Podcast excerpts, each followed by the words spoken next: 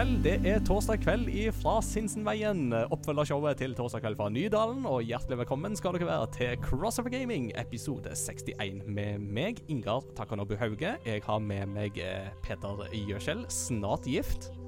Ja, det er jo faktisk bare en hva er det? Ni dager? Ti dager til? Yes, ikke sant? Og det skal bli godt å bli ferdig. Å, kjære vene. Når hele verden går imot deg, så blir du fort lei. Oh yes, det skjønner jeg veldig godt. Med oss på laget så har vi Åge Mats Jakob Nesmann fra Kristiansand. Si hei. Hallo. Hallo. Og vi er ikke alene. Vi har nemlig med oss gjest i dag. Og jeg tror det må være den nordligste gjesten vi har hatt i uh, dette showet på de 61 episodene vi har holdt på. Han er prest, og uh, med et etternavn som uh, klinger noenlunde islandsk. Så jeg vil at dere skal ta hjertelig imot Gunnar Kristiansson.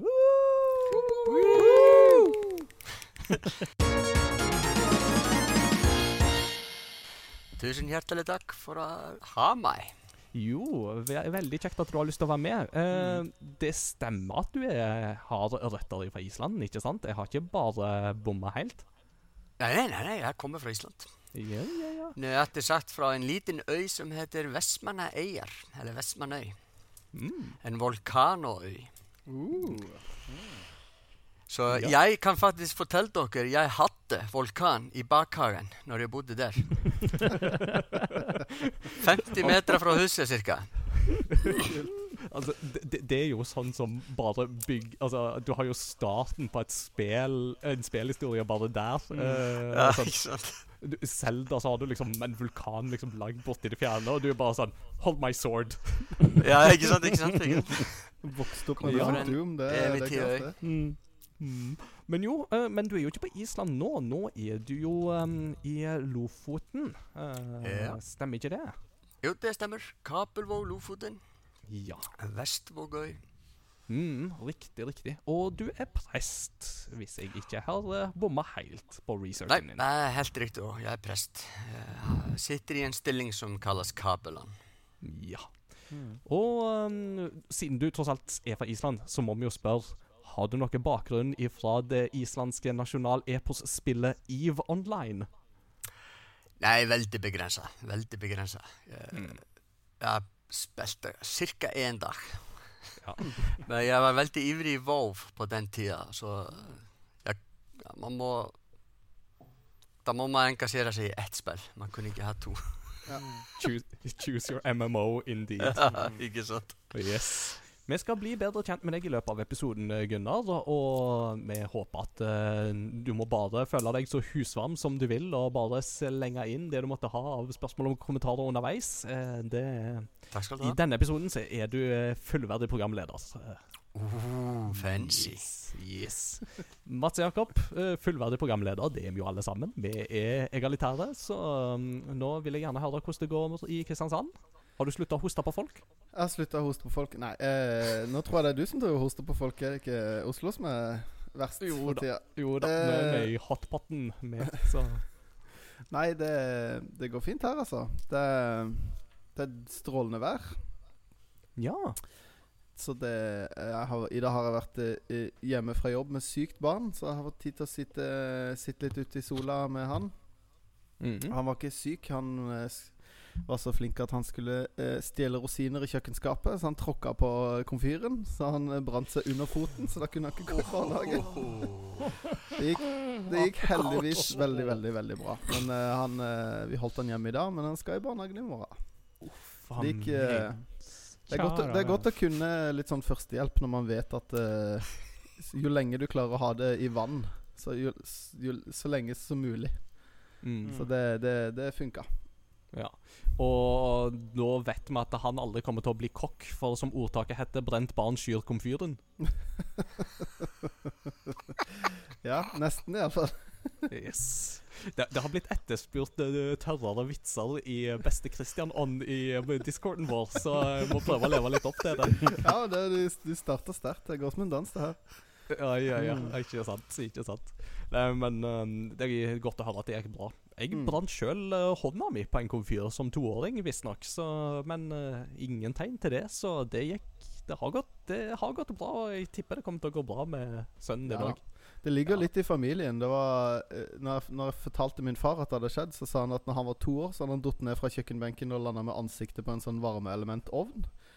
Eh, eh, og hadde ligget på sykehus i tre uker. Og det var første gang jeg hørte om den historien. Jeg ble litt sånn overraska.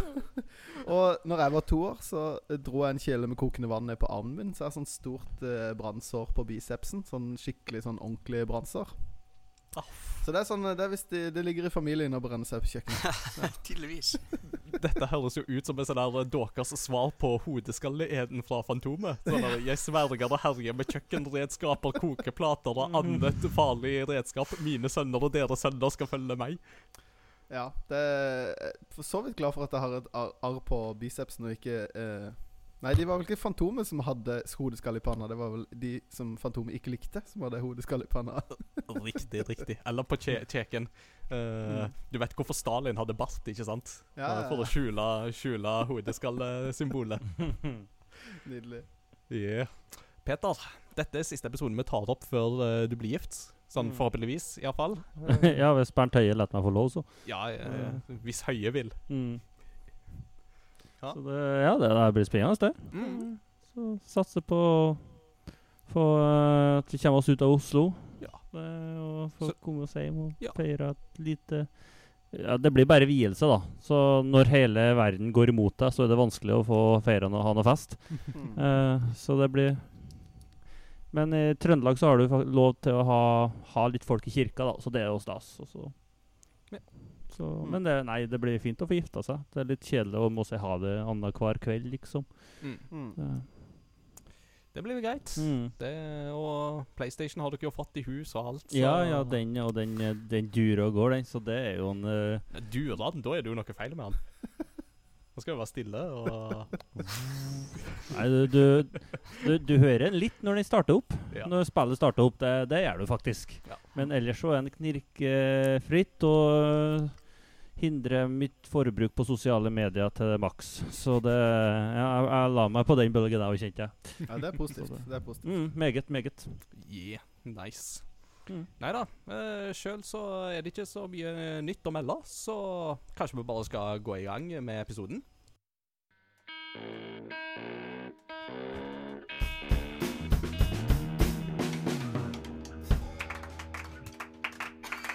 Ja. Eh, himmelsk lyd fra ungdommene. Eh, nå er det ukens kunngjøringer. Vi skal ha litt eh, kunngjøringer innledningsvis i episoden. Det begynner jo å skje litt ting i spillbransjen, så det er spennende, spennende tider. Første sak er jo det at eh, spillet som alle kids tydeligvis spiller, eh, Roblox, det har jo nå da blitt børsnotert. Eh, og for de som husker et, noen måneder tilbake, så var det jo en ganske svimlende sum som eh, Microsoft bladde opp da de skulle kjøpe Bethesda. Da var det jo snakk om 7,5 milliarder eh, dollar. Roblox er da verd seks ganger det, den summen. Altså Roblox er da børsnotert til 45 milliarder dollar. Som da er mer enn Take Two er verd, mer enn det EA er verd, og mer enn Ubisoft er verd. Ikke riktignok til sammen for alle de tingene der, men Uh, eh, de, som, uh, de som måtte ha noen Roblox-aksjer liggende nå når det blir børsnotert, de kan le hele veien til banken. Det, det høres jo nesten litt sånn Roblox-stank ut. Det her at det Altså Det kan jo ikke være riktig. Ja, men altså, greia er jo det at eh, alle, spe alle kids spiller Roblox. Altså, det er over 200 millioner brukere i Ja. dette spillet. Ja, masse elever som spiller det. det Ja, men i mitt hus er det tre av fire barn som spiller Roblox. ja, Ja. ikke sant? Og det er bare fordi minstemann er tre år. Så det kommer sikkert etter hvert. Ja, ikke sant? Og, og, det, og det er jo litt den effekten vi ser her, ikke sant? er jo det at det vel, altså, Man tenker seg jo at Roblox blir jo den neste plattformen, ikke sant? Altså På samme måte som at Fortnite i dag er jo ikke bare et spill, det er jo en sosialiseringsarena der det skjer eventer, ikke sant? Altså Det skjer konserter, og det skjer eh, filmvisninger av eh, Christopher Nolan-filmer og sånt skjer jo i Fortnite, så Fortnite er jo mer enn bare et spill. Det er jo en plattform, og det er jo det man på mange måter ser for seg at Roblox kommer til å bli. Eh, alle de som snakket om at uh, Second Life skulle liksom bli den der plattformen der for uh, 15-20 år siden, de var liksom det, det, det var dette de måtte vente på. Altså, Second Life det var for realistisk og for kjedelig. Det er dette som er liksom eh, Du må ha noe som ser ut som noe kidsa kan holde på med, da. Mm. Mm. Så det er jo en enorm eh, Enorm sum, iallfall. Det er det ingen tvil om. Nei. Hva, hva hadde du gjort med 45 milliarder dollar, Gunnar? Uff, godt sprø. Jeg er ganske sikker på. Alle sier at de ville være, fortsette å leve det normale livet, men jeg tror ikke det. Jeg ville kjøpt meg en koronafri øy et eller annet sted. Til å begynne med. Nei, jeg vet ikke. Bygge en kirke? Ja. Må jeg ikke si det som prest? Misjonsarbeid. Du er programforplikta. Ja. Støtta bispedømmet. Du da, Mathias, Nei, hva, hadde du, hva hadde du brukt 45 milliarder dollar på? Uh, jeg, jeg vet ikke. Jo, jeg kan, jeg kan fortelle dere, jeg ville investere i en ordentlig datamaskin. Det ville jeg gjort. Å, ja da. Med med 45 milliarder dollar så er det vel kanskje en sjanse for at man får tak i et uh, RTX 3080 grafikkort òg, så Du kan kjøpe den dyre Mac-en som kom. Ja, Den koster sånn 100 et eller annet tusen, og så var det 45 000 for per hjul, eller hva det var. Det Ja, det var ganske morsomt. Det var uh, Nei eh, eh, hadde jeg hatt 45 milliarder dollar, så tror jeg fremdeles jeg hadde venta på å få en PlayStation 5 til vanlig pris, og ikke støtta scalpers og kjøpte en til 10 000. det, jeg tror jeg hadde blitt sprø, men så sprø hadde jeg ikke blitt, tror jeg. jeg hadde kjøpt, jeg hadde kjøpt Sony, og så hadde jeg fått meg en PlayStation 5. Da hadde du fått en PlayStation 6. Ja, ikke sant? All right. Eh, vi går videre til neste kunngjøring, og, og det er jo rett i din ånd, eh, Mats Jakob, tror jeg. For det er jo annonsert et nytt Teenage Mutant Ninja Turtles-spill. eh, Mhm. TMNT Shredders Revenge. Fra folka bak uh, Streets of Rage 4 eh, er jo Mhm. involvert i dette her, blant annet. Og det virker til å leve rett opp i ånden til Turtles in Time. Hva tenker Mm. du om det, du som jo har en Turtles-TV og alle ting? Ja. eh, nei, eh, altså det, Hva skal jeg si? Det ser jo på en måte ut som de har lagd Turtles in Time 2. Altså De har jo virkelig bevart eh, ånden i, i grafikken og, og tilsynelatende gameplayet, da. Mm. Um, så jeg håper jo bare at det kommer til alle mulige plattformer, og alle kan spille det, og at det blir der. For det er mange sånne spill har jo en tendens til å forsvinne etter hvert. Og at det blir litt sånn Men det er jo Turtles, det er jo en ganske stor IP, da. Mm. Men uh, nei, jeg snakka med en, uh, en kamerat uh, som heter Thomas, på Thomas. melding. Thomas!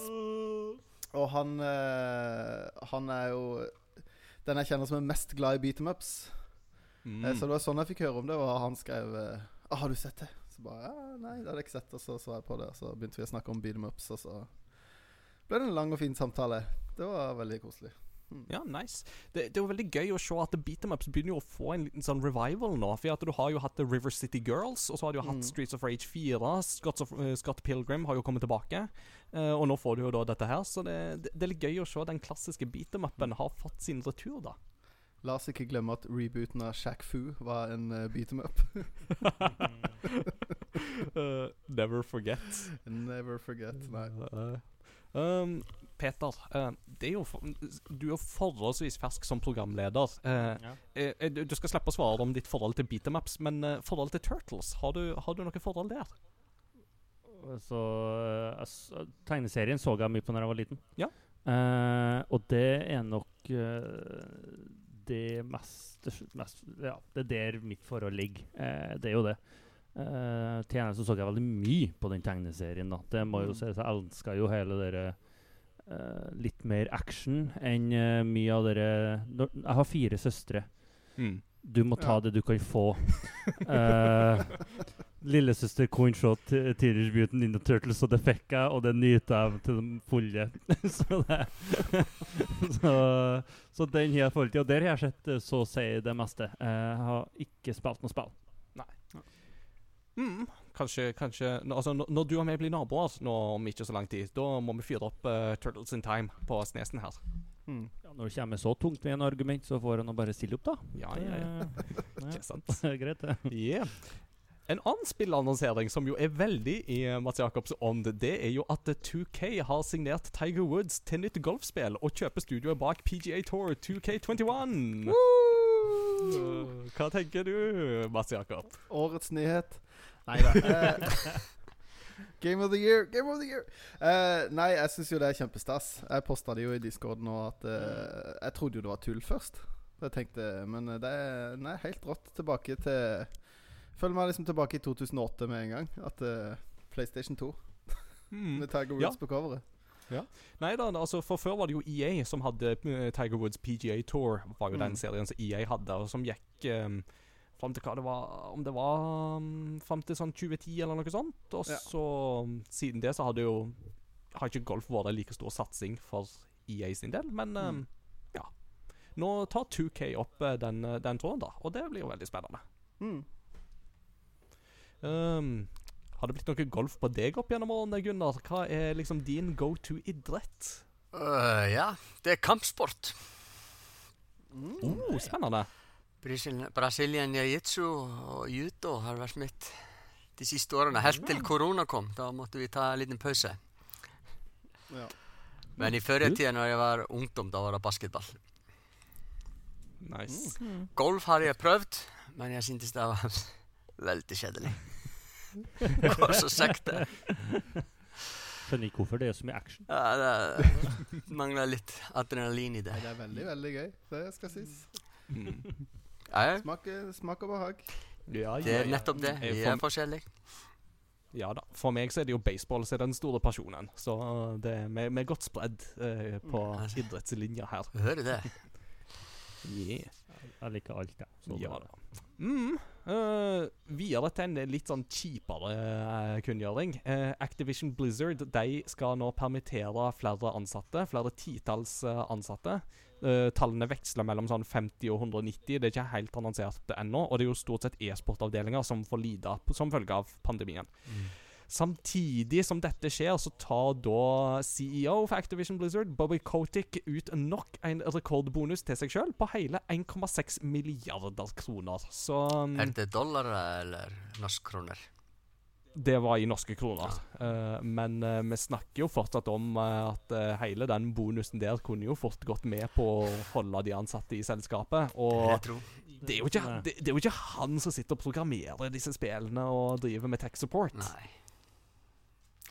Så det, det er jo ikke første gang dette her skjer i Activision Blizzard, og Kotick eh, har jo gjort seg upopulær før, men han fortsetter å gjøre som han vil. Så sånn, sånn, går, sånn går nå dagene. Ja. Jeg ser for meg at uh, kontorene sitt er litt sånn uh, Employee of the month, og så er det bilde av han. Employee of the month, så er det bilde av han. Employee of the month, bilde av han. Og så den første sant. som blir sparka, det blir vaskedamen. Ja, ikke sant? Ja. Fordi at vi kan jo ikke ha nok penger til det. Nei, nei, selvfølgelig ikke. Nei, nei, nei. Nei, vi må, vi må avslutte kunngjøringsseksjonen på en eh, litt eh, lysere tone. eh, og da går vi til Sony, eh, som eh, virkelig slår på stortromma for tida. Det har seg jo sånn at Sony har den kampanjen som heter Play at Home, som de introduserte i fjor. Som da er at de deler ut spill gratis til alle PlayStation-brukere, ikke bare de som har PlayStation Plus-abonnement. I fjor så ga de jo annet ut Journey og Uncharted Nathan Drake Trilogy. Um, og nå, fram til 31. mars, så kan man få Ratchet Clank gratis. Men nå i går så annonserte Sony at uh, de skal faktisk eh, gi ti spill gratis framover. Og for å ta hele den lista med spill, så er den da Abzu, Astrobot Rescue Mission, Enter the Gungeon, Moss, Paper Beast, Res Infinite, Subnautica, The Witness, Thumper og høydepunktet til slutt Horizon Zero Dawn. Mm. Det er da Fem av disse titlene er jo da VR, eh, blant annet da Astrobot eh, Rescue Mission og Moss. Mens eh, noen av de andre, som Abzu og um, Subnautica, de er um, liksom åpne for alle. Og ikke minst da så er jo Horizon Zero Dawn er jo rosinen i pølsa her, for å si det sånn. Mm. Datoer for når de vil være tilgjengelige og sånt, det kan man eh, finne. Det vil være litt forskjellig, men det er mest sånn ut ifra april og litt sånn utover. Så um, har du en PlayStation, så er det virkelig noe en bør sikre seg. Jeg tror de fleste var fra type 26. mars. Ja, stemmer. Og så var det Horizon Zero Dawn, som var et stykke ute i april. Sånn var det, ja. Mm. Så det må vi jo si er ganske så spandabelt fra Sonys side. Uh, så det er litt sånn uh, Sony de gir ut masse gratis spill. Microsoft de har jo sikra seg uh, Betesta-kjøpet og gir ut masse Betesta-spill på, uh, på GamePass. Og Nintendo sier at nei, vi trekker tilbake Super Mario 3D Allstars 31.3. Uh, og du får ikke lov å spille det videre. Så sånn er det. Okay. Så ja. ja. er det mulig? Ja, det, det får nå så være. Yeah. Da tenker jeg at det er på tide at vi går videre til dagens temadel. I dagens temadel så har vi satt uh, et uh, noe interessant uh, tema. For vi har valgt å kalle det for sorg i det digitale rom. og det er jo blant annet i den forbindelse at vi har jo invitert Gunnar med som, som gjest. Som jo noen eh, kanskje beit seg merke i da Gunnar presenterte seg, så er han jo prest oppi det i Vågan Ja. det heter, ikke sant? Ja. riktig. Og der var det jo en uh, relativt tragisk hendelse i begynnelsen av året med brann, mm. uh, der flere lokale ungdommer omkom i brannen. Og Gunnar, det er jo her du kommer litt inn i bildet, for du er jo prest mm. der oppe. Og ehm, da er det jo sånn at da er, faller det jo på deg å eh, arrangere minnestund og være i kontakt med de pårørende. Mhm. Eh, men så oppdaget jo du at to av disse guttene her var jo veldig aktive spillere og hadde en del venner over Discord og lignende. Så vil du dele kort litt av på en måte den prosessen Altså i innledninga i den prosessen der. Eh, dette, jeg har jo hørt på deg snakke om dette nå forrige uke, Mm. men eh, du kan jo ta en sånn liten recap på, på det. Ja, det kan jeg absolutt gjøre. Nei, Det er mye av det som er prosessen i alt dette her, henter jeg inn av min egen erfaring og, og, og hva jeg har opplevd sjøl.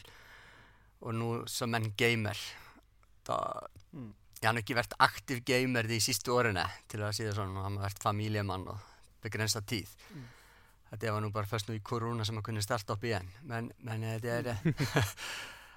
að ég hafa upplöðt við að mínu unga eh, uh, hva, ég veit ekki hvernig maður skal setja úr på mm. það deres virkelighet er ekki sånn som for min generasjon de, de, de lever dette dobbelt liv men samtidig er det ett og det samme så det er veldig rart å oppleve det vi er unge ja, mm vi snakket om um Fortnite her nettopp, og eh, de har sånne all slags events. Jeg var jeg, Du har sikkert hørt meg fortelle det, Ingar. Uh, uh, ég skulle laða guttinu mín að sló af Playstationen eitt kveld og þá var það första eventi nettopp að starta og það var DJ Marshmallow með konsert og ég höfði mm. sko mm. guttinu mín bleið svo yfrið, það var, var ekki sjans að stoppa það var DJ Marshmallow, ég veist ekki, veist ekki hvem DJ Marshmallow var. Ekki, ekki það, ekki það DJ ekki heller og svo ég laði þeim að fortsetta og þeir, ég husker ekki en konsertin var cirka tíminn ut svo náðu þegar ég var farði þá, þá var ég bara, ég var í himmelen. Ég hafði vært på konsert með DJ Marshmallow saman með massa fólk. Og fyrir mig sem var nærmar með 40 ára þá var ég svona Egentlig ikke. men, men de opplevde det sånn.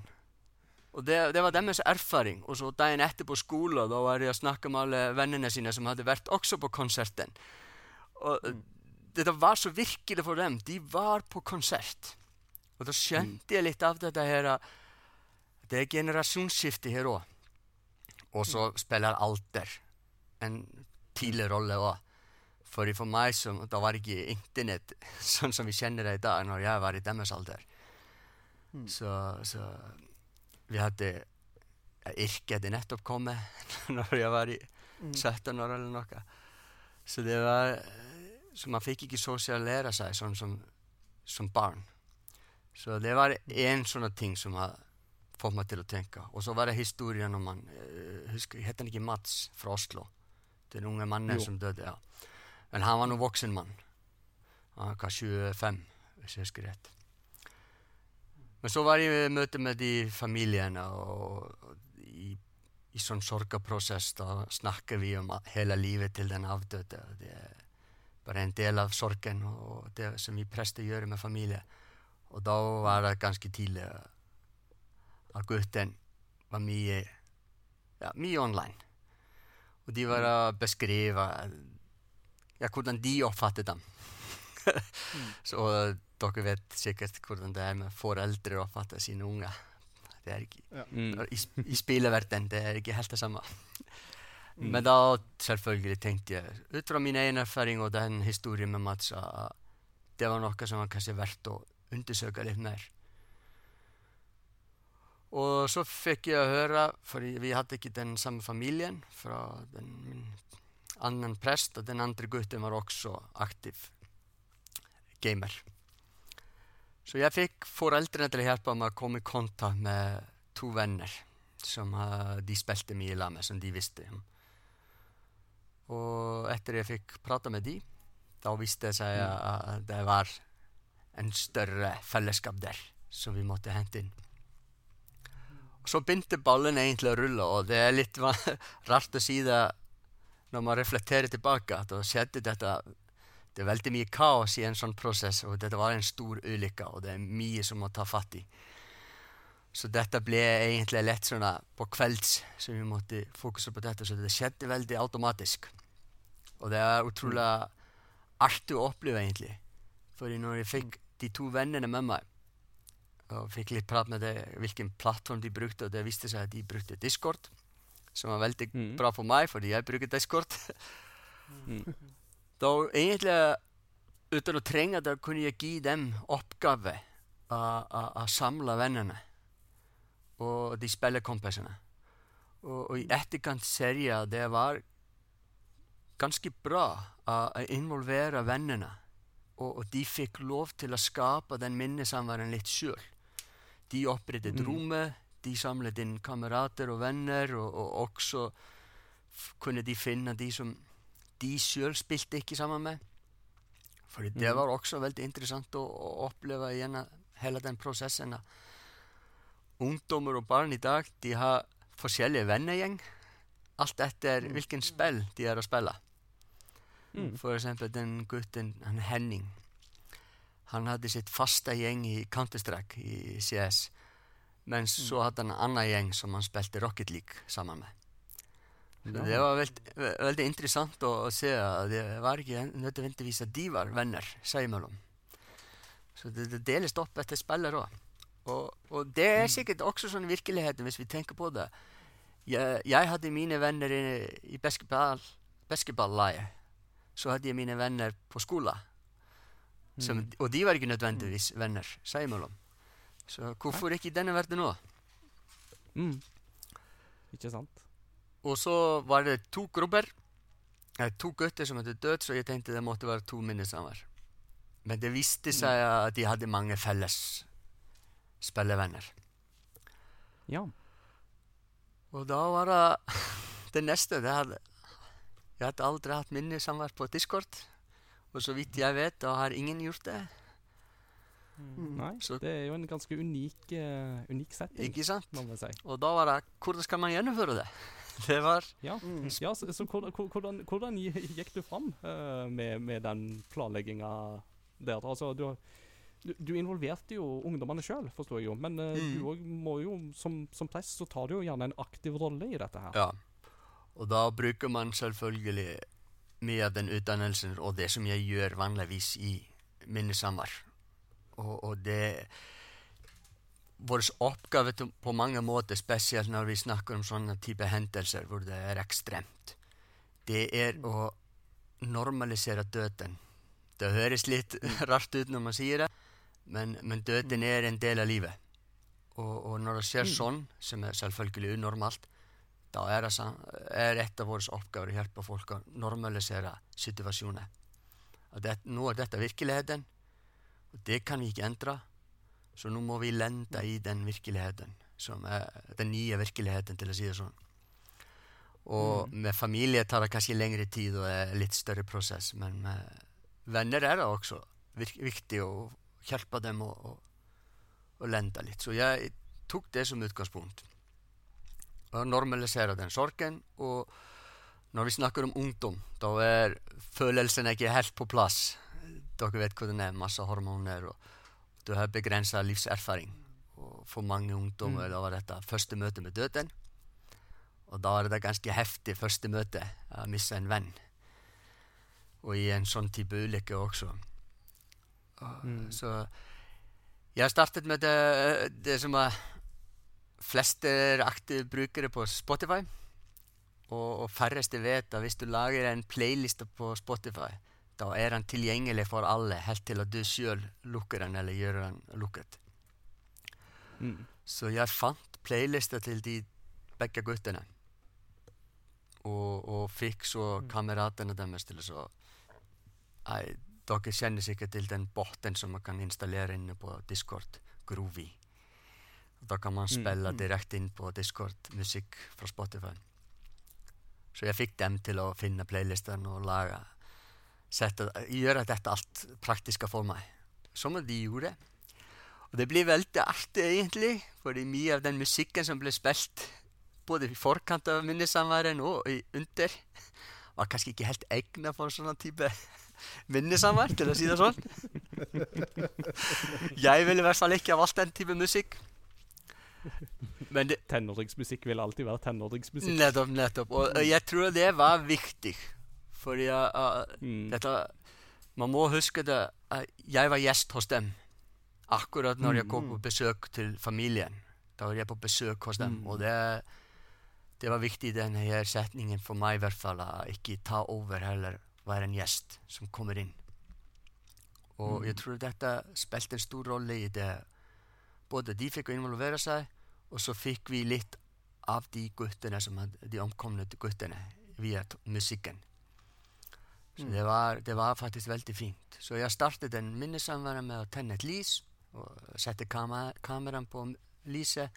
Så eh, la vi musikken gå i et kvarter før jeg kom på skjermen. Mm. Og jeg gjorde valgfritt. De kunne ha kamera på eller ikke. Og alle de ungdommene valgte å ikke være på kamera. Og jeg skjønner det veldig godt i etterkanten. Det kan være ubehagelig å vise seg så ja, sårbar på kamera. Mm. Og så ble det litt Jeg må innrømme det ble litt sånn at rart først til å begynne med. Eh, Du er nødt til å Du ser ingen. Og det var jeg som prata, og man får ikke noe feedback, for alle hadde mikrofonen på mute i utgangspunktet. Mm. Så det føles sånn som man har prata med seg sjøl. Så jeg måtte f- gå litt sånn at- ja, jag måste starta bara på den översta på listan och spör bara konkret vilken spel hade du att spela med samman med? Och så mm. när snackade dere samman sist? Vad snackade dere samman om? Um? Och, och öppna lite samtal och sådana gick det.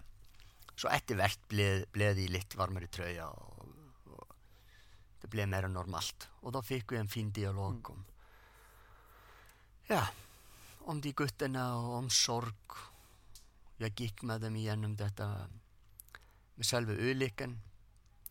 Och, mm. och, och, det är såna en måte att en teknik som við brukum til þess að uh, pröfa að hindra posttraumatisk stresssyndrom þetta er eh, að opna fyrir gamle minner að það er derfor, derfor mm. snakkum við um sísta gang hvað snakket okkur om, svona konkrét ting fyrir það lösir mhm. upp litt svona s- sjokket som folk kan oppleve. Og det, det, ble veldig fint. Jeg, hadde, jeg gjorde dette på to forskjellige måter, de minnesamværene. Eh, Den sin- minnesamværen hadde jeg eh, faren til den avdøde gutten med meg. Og den andre sam- minnesamværen, da var jeg helt alene. Og de ble begge to veldig fine. Absolutt. Uh, men i etterkanten, og å ha tenkt litt og reflektert på Da vil jeg i framtiden gjøre det alene, ikke med pårørende med meg. Fordi fokusen ble veldig mye på ham. Selvfølgelig. For Fordi alle vennene fulgte med pappaen. Det var, det var grusomt å miste ungen sin. Men i den, også i den senere eh, minnesamværet, da kom det mer sånne historier som du vil ikke fortelle foreldrene. Ting som de ja, pleide å gjøre som ikke lov å gjøre, egentlig. Sånn som alle ungdommer er. Så det ble veldig fint, egentlig. Og ja, det, det, det, det ble veldig gjevent for meg òg. Ja. Absolutt. Så Mm. dette var sånn prosessen, kort sagt. Mm, ja. Det, det, det er kjempespennende å høre på det, dette, For det er jo som du er litt inne på, dette er jo en Dette er jo en prosess som Du har jo på mange måter måttet vandre den veien litt sånn eh, Det har vært litt uncharted territory. Ja, absolutt. det sånn. Det har ikke vært så veldig mange ressurser for deg å ta utgangspunkt i, og det er klart at som press så er du jo gjerne vant med dette med minnesamvær og sånt, men det å ta det i det digitale rom, det er jo Det er jo en, en litt sånn u, ukjent terreng, da, for, for mange. Men uh, ja, altså, hvordan følte du at uh, de vennene som fikk delta, og familien til de på, uh, til, som var ramma, altså, hvordan, hvordan responderte de på, på dette opplegget? Følte de det var veldig fremmed, eh, eller tenkte foreldrene at eh, det ikke var Altså at så de verdien i det? eh, sånne ting. Uh, tror jeg mange av de voks foreldrene var i utgangspunktet kanskje litt skeptisk, tror jeg. Noen av dem. Jeg vet at en pappa han fortalte meg at han, han var litt å spionere i bakgrunnen. Litt sånn usikker på hva dette var for noe. Men etter at vi har gjort det, da har jeg bare fått positive tilbakemeldinger. Både for foreldre og mange av de guttene som var med på dette. Og det var litt interessant også i den prosessen at, mange av guttene var nærmeste naboer. Gikk i klasse med, med dem. Men uansett kom de også på den minnesamværen. De hadde vært med i kirka når vi møtte der, i klasserommet når vi var der. Eh, noen kom til begravelsen. Men de var också där. Så det var, det var viktigt för dem att delta på den här plattformen också. Och det är väldigt intressant, syns jag. Mm. A, a, a, detta mm. var... Jag vet inte varför det är. Jag har inte fått möjligheten till att reflektera på det så väldigt. Men så var vi där också gutter som hade... En hade aldrig mött dem. Han hade bara spelat i lag med dem. Så de var mm. från Oslo, Bergen, Tromsö, Narvik, Ballanger Ja, forskjellige steder i Norge. Så, nei, og de, tilbakemeldingene som jeg har fått, det, det var De syntes det var eh, meningsfullt. Vakkert. Mm. Fint. Det er ordene som de brukte. Mm. Og det som foreldrene har sagt av de som jeg har vært i direkte kontakt med, er at de sa bare 'tusen takk'. Mm. Det, det var nok for meg, Mm. til si det sånn. Ja. Så jeg, jeg føler at dette var Det var verdt det. Mm. Mm. Det Jeg tenker jo det at um, det siste året så har jo dette med sorg og død og tap av venner har jo blitt veldig aktuelt for veldig mange. Mm. Uh, og for mange så kan jo det plutselig skje med venner som de kanskje kun har et digitalt forhold til. Mm. Nettopp i det digitale rom. Som du sier, så er det folk som aldri har møtt møttes live, men så sitter de i Oslo, Bergen, Trondheim, forskjellige steder, og så oppstår disse reelle digitale vennskapene Mm. likevel.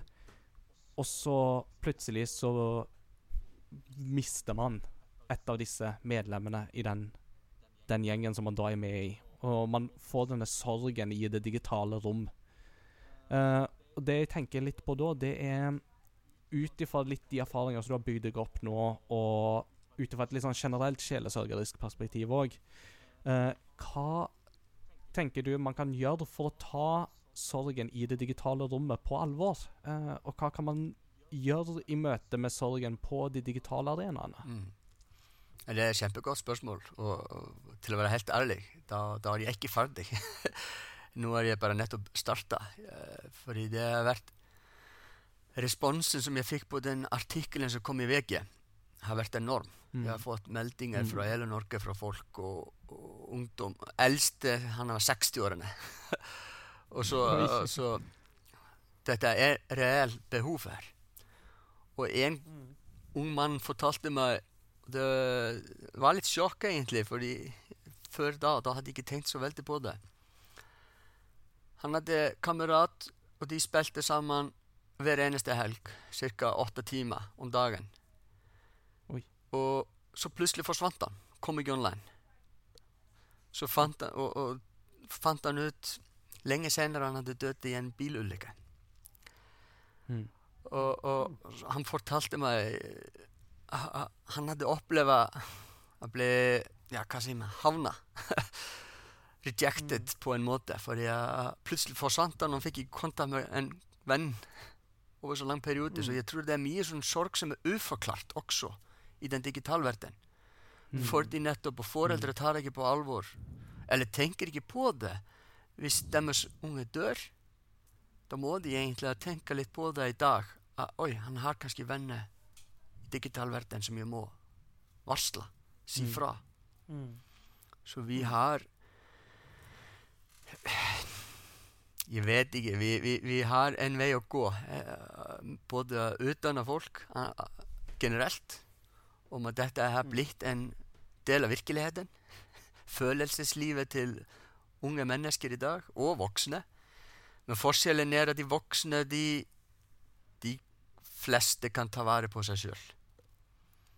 Mm. Som vi ser med den historien om Mats i Oslo. Da var det voksne venner som tar kontakt med faren. Fordi vi voksne er utrusta, både følelsesmessig og, og ressursmessig, til å ta kontakt og, og bearbeide ting. Men ungdommer og barn, det er en annen historie. Og da, da må vi, både prester som jobber med sorgen, ta dette opp i sorgsamtale med, med foreldre hvis det er barn eller ungdom som dør. Mm. Og så generelt i samfunnet øvrige må vi bare begynne å tenke litt mer positivt på dette. Dette er en eh, dette er reell vennskap som blir skapt, som vi må ta vare på. Mm. Nei, så, Ja. Det, det mm, Jeg kan ikke si mer annet enn en enig i det. Og jeg synes det er en det, det, det er en så spennende tematikk, syns jeg òg, å være inne på, fordi Blant annet som, som vi jo har vært inne på, ikke sant, altså historien om Mats og denne begivenheten her, og altså Dette er bare to historier som er Som har fått en offentlig oppmerksomhet. ja, ikke sant. Men så vet vi jo at det er sikkert tusenvis av denne type lignende historier. Sånn som du sier, ikke sant, om plutselig så er det venner som bare forsvinner. Mm. Mm. Og, og, og at det er, det, det er noe med disse sorgprosessene da som uh, kanskje er uforløste. Og mitt håp er jo at ved å fortelle disse historiene, så blir vi mer bevisste rundt det, og klarer å ta dette mer på alvor. Ikke minst for de som kanskje har et litt mer negativt syn på gaming i utgangspunktet, og bare ser Mm. på det som bortkasta tid eller som skadelig så vil jo de fort kanskje glemme å se det, at eh, men det finnes noen veldig positive, reelle verdier her, og noen veldig reelle vennskap som, som ikke er noe mindreverdige bare fordi de er digitale. Absolutt. Det er helt rett. Det har du helt rett i. Mm. Og det som eh, må skje nå framover, er at dette temaet blir tatt inn i, inn i, inn i høyskolene, inn i universitetene også. Uh, at de som utdannes til å bli lærere, de må være oppmerksom på dette. Prester, når vi går i sjelesorgskurs, da må dette bli tatt opp som tema. Og få leke og helsesøster må være oppmerksom på dette, osv. Dette, er, Mm.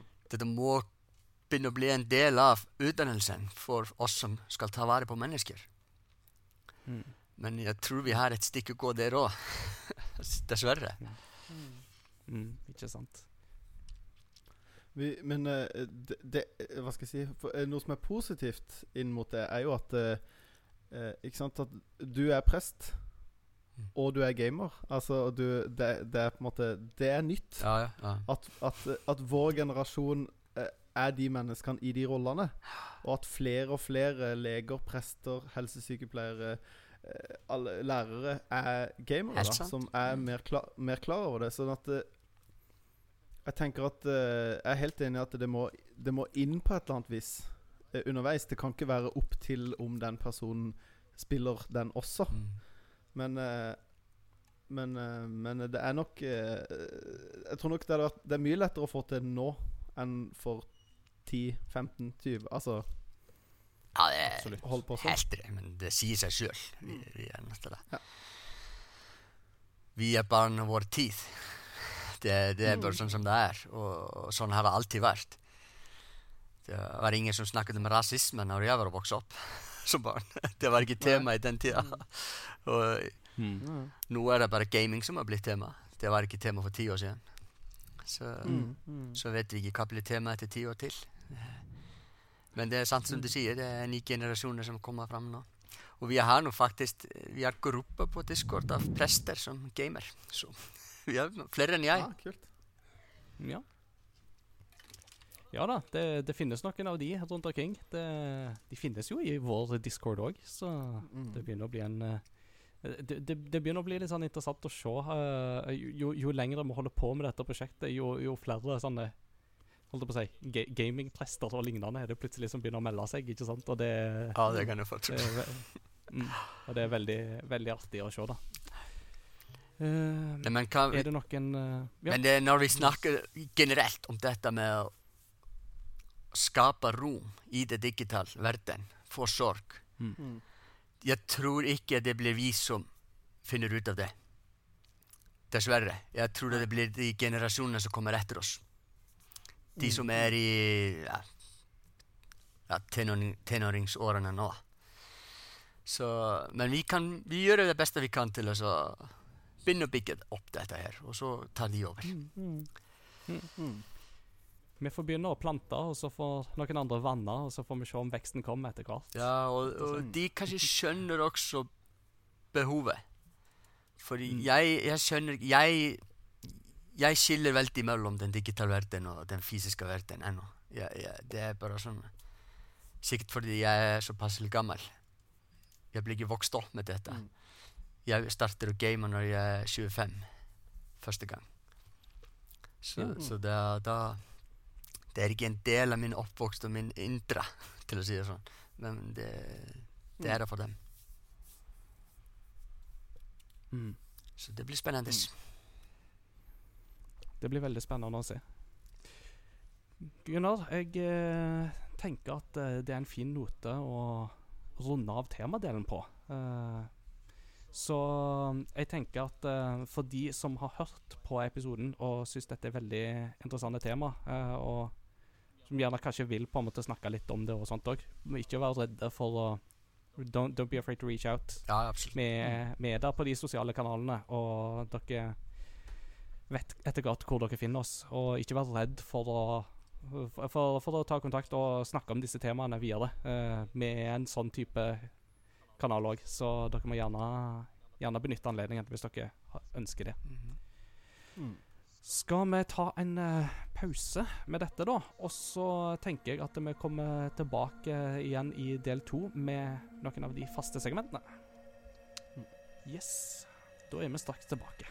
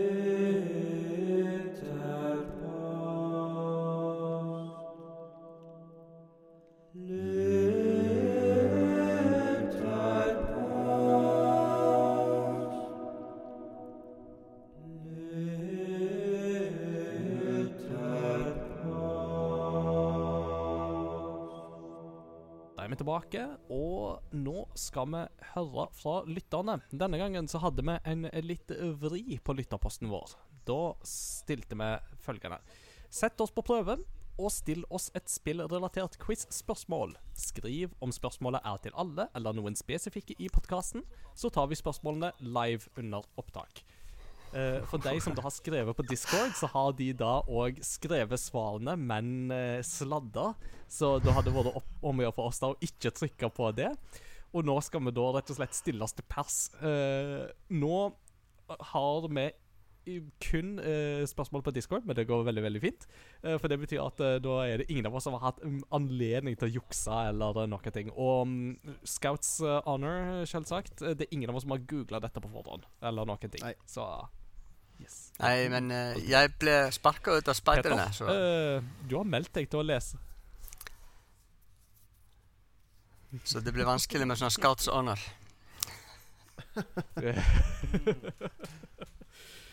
Uh, Peter, da kan jo du være quizmaster. Eller du kan iallfall lese spørsmålene. Du har iallfall meldt deg til det.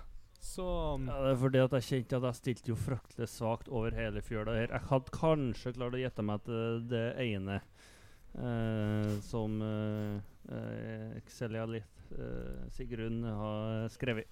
Yes. Da får du Jeg tror kanskje nes, Nesten. Ja, ja. OK.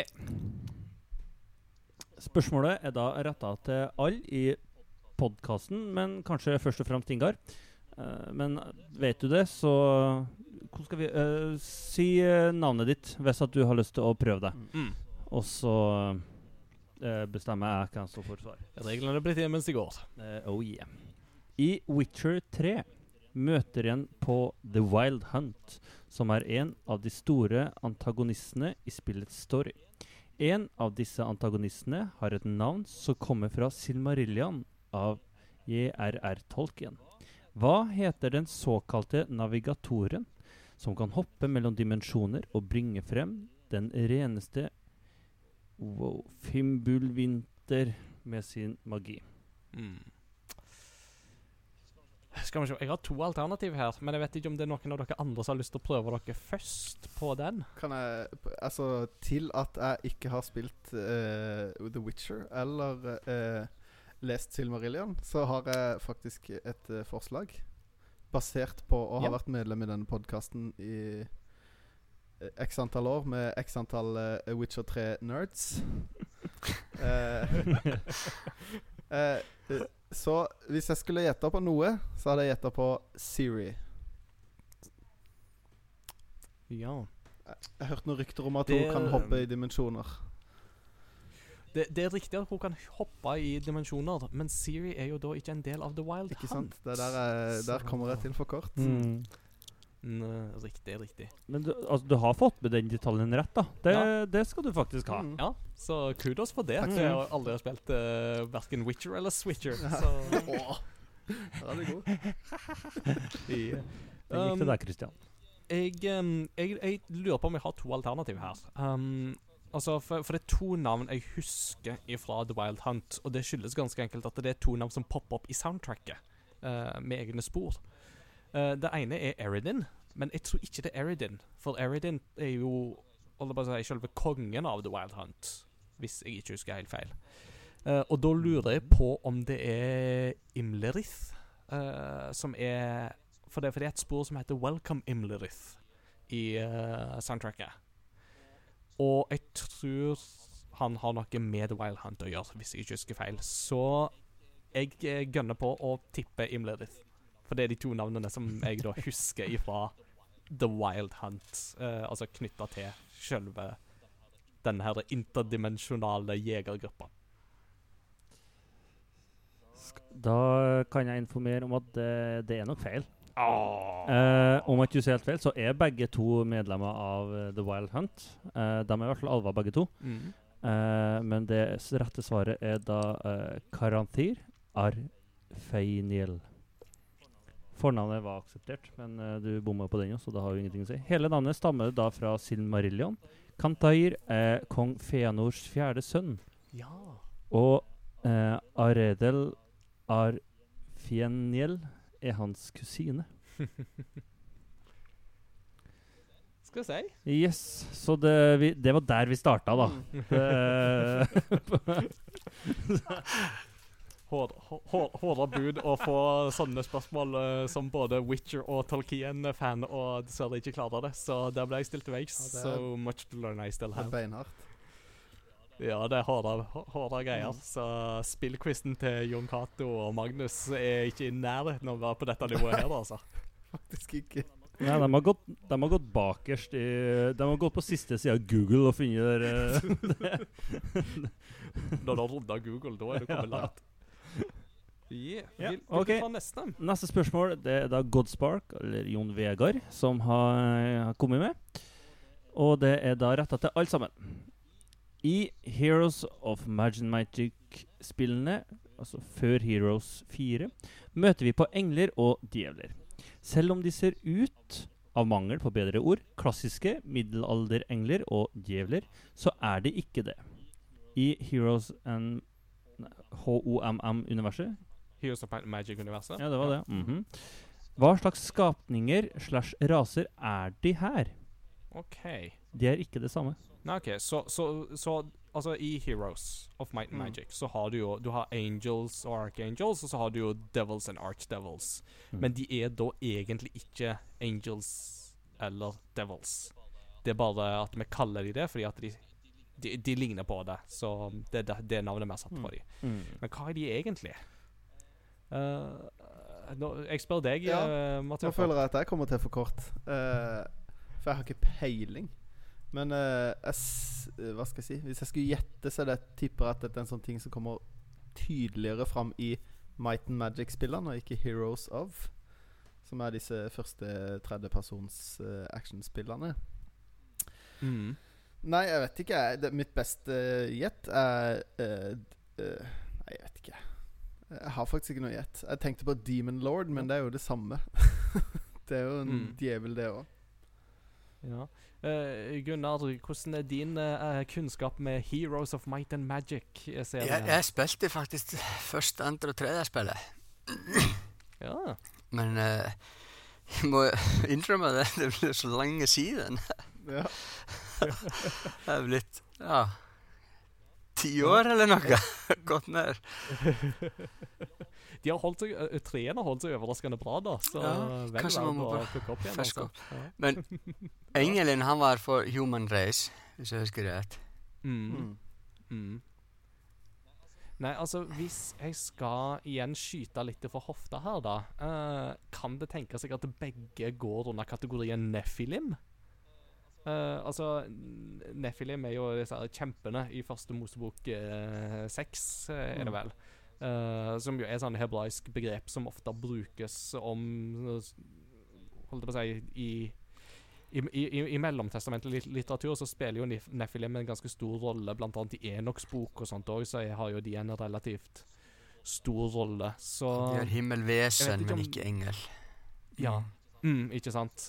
Så, så, så kanskje Nephilim er riktig svar her. Uh, det skulle ikke overraske Nei. meg, så Nei. Når du sier det, det Det, det Ja. Jeg skyter det inn og foreslår det. Du gjør det, du. Ja, ja. uh, nei. Iskaldt. Svaret er falskt. Nope.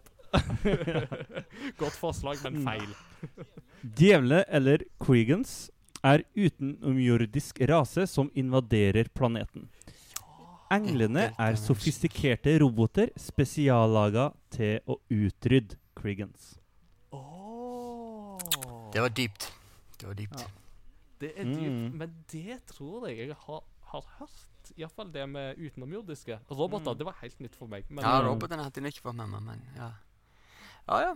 Wow. All right, all right. Da lærer du noe nytt hver dag. Vi har to spørsmål til. Ja.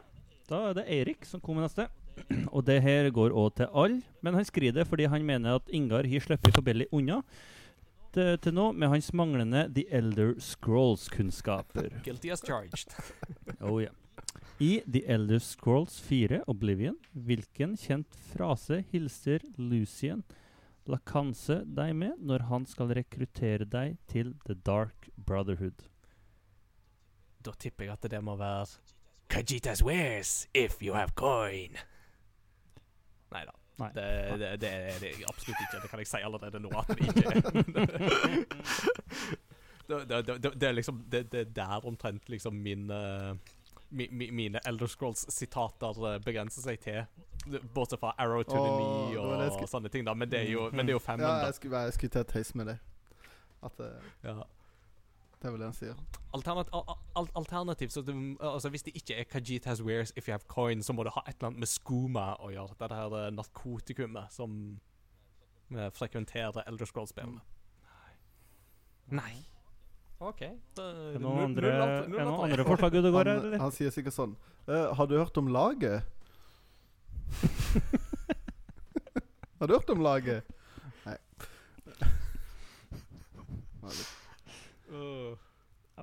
Antar at dere ikke har peiling, er basert på det svaret. Jeg har ikke peiling. Jeg har ikke spilt Oblivion ennå. Han sier Han sier You sleep rather soundly for a murderer. Ooh. Oh, Mm. How dark and Mm. mysterious and Mm. brooding. Gode greier. Ja, da har du vel et siste spørsmål òg. Og da tror jeg du som quizmaster må google litt for å finne Ja, svaret. eh, det var det jeg oppdaga òg, for det her ligger faktisk ikke svaret. Så da, så da får dere kanskje litt ekstra tenketid. Men anyway. Det, ok, det her er òg til alle sammen. I Resident Evil-originalen er det et rom i mansion hvor du kan finne en hagle. Du tar haglen, og etter det er det to forskjellige scenarioer. Scenario 1 hva skjer og hvorfor? Scenario 2 hva skjer og hvorfor? OK, så Resident Evil det, um, Jeg har jo spilt det første, men det begynner å bli ganske mange år siden. Uh, så den kunnskapen der, den sitter veldig, veldig langt inne. Um, men det er det at du tar opp hagla, og én av to scenarioer skjer. Uh, da vil jeg tippe scenario én er at eh, du blir angrepet av bikkjer som kommer hoppende inn gjennom eh, vinduet. Uh, fordi uh, det er det vinduet som uh, du har gått forbi så mange ganger, og det ender ikke å hoppe noen ting gjennom det, og så er det på det tidspunktet at det endelig skjer. Alternativ to er at eh, det er da Albert Wesker viser sin sanne natur og avslører Ha-ha, I am with the bad guys and I've been that all along. Um, begge deler skjer, men jeg aner ikke om det er på, som følge av at du plukker opp hagla. Så jeg, jeg, jeg skyter veldig fra hofta her, uten hagle. Eh, Jeg har ikke spilt Resident Evil, men jeg hørte deg og Christian snakke masse om Resident Evil når dere drev og spilte det. Eh, Mm. jeg, eh, så der kommer et spørsmål før jeg avgjør mitt svar. er Resident Evil 1 okay. det spillet hvor det er han der uh, mannen som driver og går rundt i huset og leter etter deg? Ja. Det, Nei, nei, nei ikke, ikke mannen som går rundt i huset og leter etter deg. Det er i Ah, toen. ja. uh, det er derimot at du går jo fortsatt rundt i en mansion, men da, da trekker jeg svaret mitt. ja. Jeg tenkte bare at ja, du, du lader hagla i sånn god Doom-style, og så hører du bare at han begynner å gå etter det. Det var, det, det var mitt svar. da ja. Det hadde vært gøy, da, Mm. for så vidt. Uh, Peter, som quizmaster, klarer du å dekode disse to scenarioene? Jeg tror jeg finner scenario på den ene. Um, Du, dun, dun, dun, dun, dun, dun. Jeg kan fortelle en eh, quiz-relatert eh, spill-quiz-relatert historie i mellomtida mens han leter. Ja, Fordi ja, la oss gjøre det. Det er bedre radio enn at jeg skal nynne på Jeopardy. Eh, kanskje 1000. Eh, min, eh, mine naboer, meg og min kone, vi bor nesten vegg i vegg med et veldig koselig vennepar som er ett år yngre enn oss. Og de er veldig glad i å ta Hasse Hope sin eh, Han har en sånn eh, digital quiz i, ganske ofte. Og da har de Ja, eh, Og vi gjorde dette en kveld vi var sammen med de, så var vi, spiste vi middag og var med på quiz. Og da eh, Siden den gang så har alltid jeg fått spørsmål om jeg kan svare på barnespørsmålet. For det er ett barnespørsmål i quizen hver gang, og det er alltid spillrelatert. Eh, og da eh, eh, Første gang så var det eh, 'Hvem er dette?' Og da var det bilde av Rosalina. Og eh, de satt jo der. 'Ja, vi vet det. Ja, det, det er prinsesse Peach'. Så ble de overraska over at de ikke visste det. Ja. Og eh, andre ganger så var det 'Hvilket kjent sverd er dette?' Så var det bilde av Master Sword. Jeg synes, altså Jeg føler meg på en måte litt sånn håna av at, uh, av at det er barnespørsmålene. Men så vet jeg jo at uh, Hasse er jo gamer, han òg, så det er jo ikke Det er kanskje en måte å appellere til barn på. Eh, det er jo ikke nedlatende på noe vis. Eh, og siste gang så jeg fikk jeg en melding med et bilde hvor det sto 'Hvem er dette?' Og så var det jo da Cappy fra eh, Super Mario Odyssey. Mm. Men eh, eh, eh, nå mandag, da, den, da, da denne episoden kommer ut, så skal de ha en quiz En spillquiz med nerdelandslaget. ah. Eh, så det er verdt å med. Og da er det jo sånn man kan velge å betale Betale for å bli med. Eh, sånn for å være med i quizen, men man kan også bare være med. Det er, ikke, det er gratis å se på og sitte og svare sjøl. Men eh, du kan velge Ja. å betale en eh, kontingent, eller hva du skal kalle det. Jeg aner ikke hvor mye det er. For å være med i liksom trekninga av premier, da. Ja. Så det er en veld, veldig bra gjennomført quiz. Ja. Mm. Spennende, spennende. Da, eh, quizmaster eh, Peter eh, Både quizmaster. Eh, altså, jeg fant den ene. Mm. Det, Da eh, det gjorde jeg. Så han må gjerne ta og legge ut uh, hvis at det er rett eller feil. Og legge ut begge uh, sjøl. Adriante og Skorpus, forresten. Det sa jeg kanskje ikke at det var han som hadde skrevet. Ja. Anyway. Skorpus. Hvis, at du, hvis, at det, i hvert fall hvis det er feil, så må du gjerne rette meg. Eh, og så kan du legge ut scenario 1 og 2. For det virker som det er basert på hvilken karakter du har. Ja, selvsagt er det det. Um, det hørtes ut som det var liksom i rekkefølge, men basert på det den, det ene eh, Hvis du velger han mann, Chris. så um, låses all døren. Oh. og så uh, senker sak, taket seg. Ja Så du blir most. Mhm. Um, og så uh, med hun jenta Jill. Så var det innblanda en annen shotgun, og det var litt om du traff noen de rette personene. Så jeg klarte ikke helt å finne tråden på den. Mm. Uh, så det var litt flere ting inni bildet her. Jeg tror det er det som er svaret. Ta det med en spadesalt. Og så uh, ta gjerne og legg ut uh, svaret, eh, Adrian. Mm. Så får vi det skikkelig Mm. fra skribenten. Yeah. Gode greier. Da har vi i alle fall fått eh, prøvd oss. Eh, Det var litt høyere nivå her enn på den quizen eh, du snakket om, Mats Ja. Jakob, ikke sant? Ja. Ja. Det, det var ikke noe nåde å få av våre lyttere her, altså. Det, det skal sies.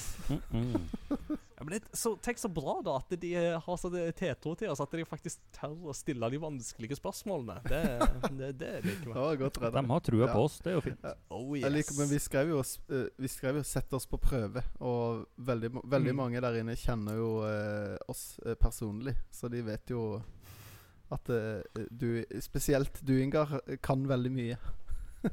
Det er bra dere har trua på meg. Ja.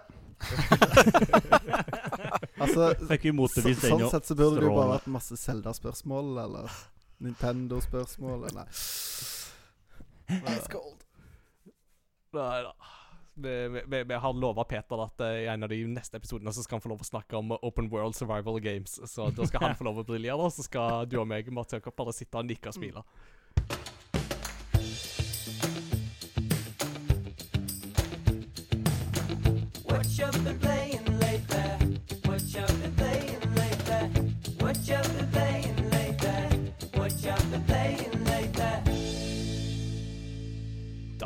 Er det på tide å ta en liten uh, hva vi har spilt, oppsummering. Og jeg syns jo at det, det hører og bør å høre med gjesten. Uh, og det er klart at eh, Gunnar, uh, siden sist er jo et veldig viktig Ja. grep. Vi trenger ikke å gå 40 år tilbake i tid. liksom det, Du skal få slippe det hvis ikke du vil, men eh, Um, er det noen spill du har liksom fått plukka opp nå det siste året, når du har uh, fått uh, plukka opp gaminga igjen og sånt? Så kanskje da særlig de, de siste par månedene? Jeg er blitt veldig hekta på League of Legends. Som er Oh. Ganske gammelt spill for flest av dere, sikkert. Men for meg er det ganske neat. Ja, ja, ja, ja, skal jeg yes. si. Og du tåler Du tåler, holdt på å si, chatten uh, der, og du, du, du, du blir ikke flama for mye? Eh, jeg prøver å være, oppføre meg. Nei. Bra svar. ja, ikke sant? Nei, vet du hva, det er veldig interessant, fordi jeg, jeg har yngre brødre. Ganske mange yngre brødre, egentlig. Og de har spilt League of Legends helt fra det kom ut. Fra de var Mm. Yngste broren min, han var åtte år eller noe. Oi. Så prøver jeg å spille i lag med de, og jeg begynte bare å spille for åtte måneder siden. Så det er litt artig for meg som er 40 år og har en bror som er 24 eller noe. Han kjefter så heftig på meg når jeg gjorde noe feil. Gunnar, skal du aldri lære av dine feiler?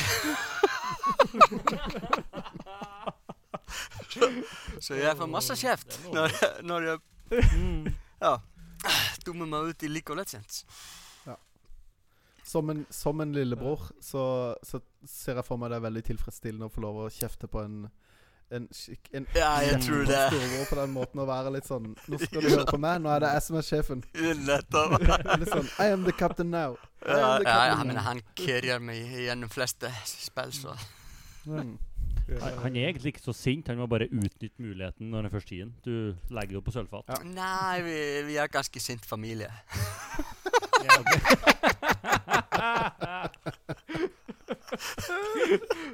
Så var det kjekt med familietreff i går, da. Å ja, vi fikk kjefta noe vanvittig.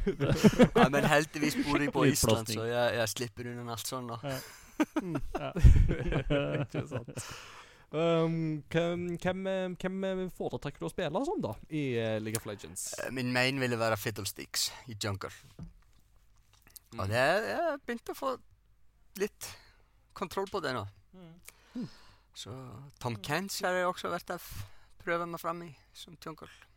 Nei, så, så liker jeg å prøve forskjellig, men orker ikke å spille det samme hele tida. Nei, nei, nei. Ja. Er det, er det noe annet enn eh, League of Legends eh, som uh, du har oppdaga i den siste Ja, tida? veldig artig app på telefonen, faktisk. Mm. Vattersortspuzzle Það er svona Það er massa farger í mange svona fórselega glas og þú skal miksa í mellum helt til þú fór allt guðlega fargin í ett glas og grönna fargin í ett glas mm. það er svona mind puzzle. Svo anbefala það, veistu, það er ingenting að gjöra og það er líka på sofa. Nice. Mobilspill har vi jo faktisk snakka forbausende lite om i, i denne podkasten, så det er jo godt å få noen inputs på det Ja, faktisk. nei. Det, Nei, Det var vel det fiskehoppespillet og The Room. ja. nei nå, nå er jeg bare i den fasen i mitt liv at jeg må prioritere ungene, så jeg har så dårlig PC, så jeg kan bare spille de gamle spillene. Men da passer det jo å plukke opp uh, Heroes of Might. Ja, ikke sant? Det tett litt i meg. Jeg tror jeg går bare i den saken når vi har fått det her. Blir aldri gammelt, vet du. Nei, det er sant. Yeah, yeah. Er det, mm, er det noe mer du har lyst til å trekke fram av, uh, av spill? Bare, st bare prøv å ikke flame naboen. Mm. God regel generelt i, i livet. Ja, det er det. Mm. Yeah. Ja. Eh, Peter, eh, du og meg, vi har jo spilt eh, et spill i lag siden sist. Ja. For du har jo klart å få meg med på Valheim litt. Mm. Grann. Ja. Jeg er fornøyd med det, egentlig. Ja. Uh, skal vi prøve å forklare hva Valheim er for noe? Ja, vi kan jo ta kort, da. Ja, mm. så vidt jeg har skjønt. eh, det er jo et eh, relativt uavhengig indie-spill fra Sverige. Seks karer, eller et studio på seks stykk, som har laga det. Fortsatt i early access. Og det har jo blitt en stor uh, suksess på nettet. De har jo solgt over fem millioner eksemplarer allerede. Så Jeg så på Steam at de, had, de var så fornøyd, for de hadde én million uh, i starten av februar. mm. Og fem dager senere så var det to. Mye. Så det går fort. Oi, det går veldig fort oppover. I, men dette er da altså en sånn type sånn survival eh, crafting open world-spill. Mm. Der uh, du er basically en eh, død viking som befinner deg i Valheim. Der Odin skal velge ut sine eh, beste krigere. Så det er en slags sånn Odins skjærsild, dette her, mer eller mindre. Ja. Og Odin syns da det er veldig viktig at uh, du kan bygge deg et hus med godt ventilasjonsanlegg. Yes. Ellers så dør du av røykforgiftning. Du må, faktisk, du må faktisk huske å bygge pipe i husene dine her, eh, for hvis ikke så dør du av røykforgiftning. Ja. Når du allerede er død. Ja, altså, du får jo vite ganske sånn innledningsvis at du Ja, og selv om du allerede er død, men du, hvis du dør in game, så vil du jo fortsatt uh, kunne komme tilbake igjen, da. Mm. Men eh, da må du gå, og så må du finne eh, utstyret som du mista. Du mister utstyr, og du mister litt erfaring som du har. Så du har jo veldig mange forskjellige stats på, hvor, eh, på stamina, på hvor høyt du hopper, hvordan eh, du er med forskjellig utstyr, og alt sammen går jo ned en del hvis du dør. Mm. Eh, og du starter jo med basically Altså, du starter i underbuksa, Mm. og så er det jo å samle tre og stein, og så arbeide deg oppover, og så har du Det som på en måte kanskje skiller ut i spillet her fra andre spill, er at du har forskjellige bosser som du skal ta, som gir deg en del ekstra perks eh, gjennom spillet, da. Mm. Eh, og så er bygge opp en base og forsvare seg, så blir det, blir det angrepet litt nå og da. Og så reiser du rundt og i uh, utrolig fin natur. Den stjernehimmelen på nattestid er helt fantastisk. Eh, Er det, er det singleplayerspill, eller er det multiplayer? Det er multiplayer. Du kan være opp til ti spillere. Ja, men det er ikke sånn mm, eh, Det er ikke Det er ikke Hva heter det for noe? Open world. Daisy. Det er ikke, det er ikke nei, nei, det er ikke open world. Nei. Nei. Og så er det, det er veldig enkelt å sette opp en uh, egen server. Så vi har en, uh, en bærbar hvor det Så jeg kan bare trykke, skrive inn IP-adressa, og så trenger ikke han som hoster først å være på en gang. Nei. Eh, så det er veldig realt sånn sett. Så det Så det, det, akkurat den var ny for meg. da Eh, Og det er det er jo sosialt med sånne spill. da Mm. Kose oss eh, Koser veldig. Så vi var jo på Vi var på en seiltur en dag og fant kraken. Oi. Mm. Så hoppa på han og slo løs noe med noen mineraler som var på ryggen hans, og så først drukna vi nesten, for han for jo ned. Og slåss med noen sjøhyrer og litt forskjellig, så det, det er et utrolig fint spill, og det er veldig kos når du er ute og seiler Så samarbeides. jakter på ting. Og. Mm, veldig mye samarbeid er det. En Eller hvis du bare har hatt en lang, lang arbeidsdag, så bare går du inn og så bare Nå, nå skal jeg bare hogge stein. det er et eller annet tilfredsstillende med det å bare Når du er litt lei av livet og bare kan hogge litt stein, slå løs. Det, hø- det høres ut som en ja, blanding av God of War og The Sims. Ja, det, er Ikke så dumt, det, altså. det, det var frustrerende treffsikkert. Ja. Det får Sims til å være cool. Jeg likte ikke helt den sammenligninga. ja. Ja, det var liksom Det er kule. Ja, kule. Det er kul Sims. Ja. Mm. Litt sånn på samme måte som at Aquaman var liksom den teiteste av DC-superheltene helt til Jason Momoa kom og smelte han, liksom. Da ble plutselig Aquaman kul igjen. Mm. Ja, ja. Så det var liksom alt det Sims trengte. Det var egentlig bare den boy. Ja. Yes. Ja, ja nei um, det, det er jo litt sånn gøy, fordi at det, hele den der sjangeren der med Altså craft, survival crafting, eh, eller hva vi skal kalle det. Eh, det. Det er jo en litt sånn sjanger som jeg ikke er så veldig komfortabel med, i utgangspunktet. Mm. Eh, for, for mitt problem er jo det at eh, disse spillene gjerne blir litt sånn OK, her kan du på en måte Du kan bygge deg en base, og den kan du få til å se ut akkurat sånn som du vil, og det, det er veldig lite sånn pointers til hvor du skal gå og hva du skal gjøre, og sånt, og da blir jeg litt sånn Jeg blir litt lost, jeg. Mm. Uh, jeg føler ofte at det mangler liksom litt liksom retninger og sånt, og jeg, jeg trives best når jeg har noen som kan fortelle meg hva jeg skal Altså, når jeg har noe i spillet da som kan fortelle meg hva jeg skal gjøre. Og nå nå var jo Peter og gjengen som jeg spilte med, var jo en, det var en veldig trivelig gjeng. Det Jeg har jo vært med dere før og spilt før, og ingenting å si på selskapet. Og jeg fikk veldig god innføring og hjelp og sånt. Men, men for meg så ble det litt sånn at eh, Hva skal jeg si, da? Eh, det, det, det ble litt mye av det samme over lengre tid, og jeg følte liksom at det mangla liksom den Det mangler en omf, Mm. for å si det sånn, da. Av mangel på et bedre ord, så må jeg ta et begrep for Dragon Quest. Men altså Ja. Uh, så det, det er jo mye av det jeg liker, da. Jeg Mm. synes jo det er deilig, og du må du, Nå skal du gjøre det, og du skal gjøre det. Eh, Mm. Og ha litt ha den friheten, Altså, sitte og kikke litt rundt omkring. Du går på Google, og så ser Oi, det her var et sykt rått bygning.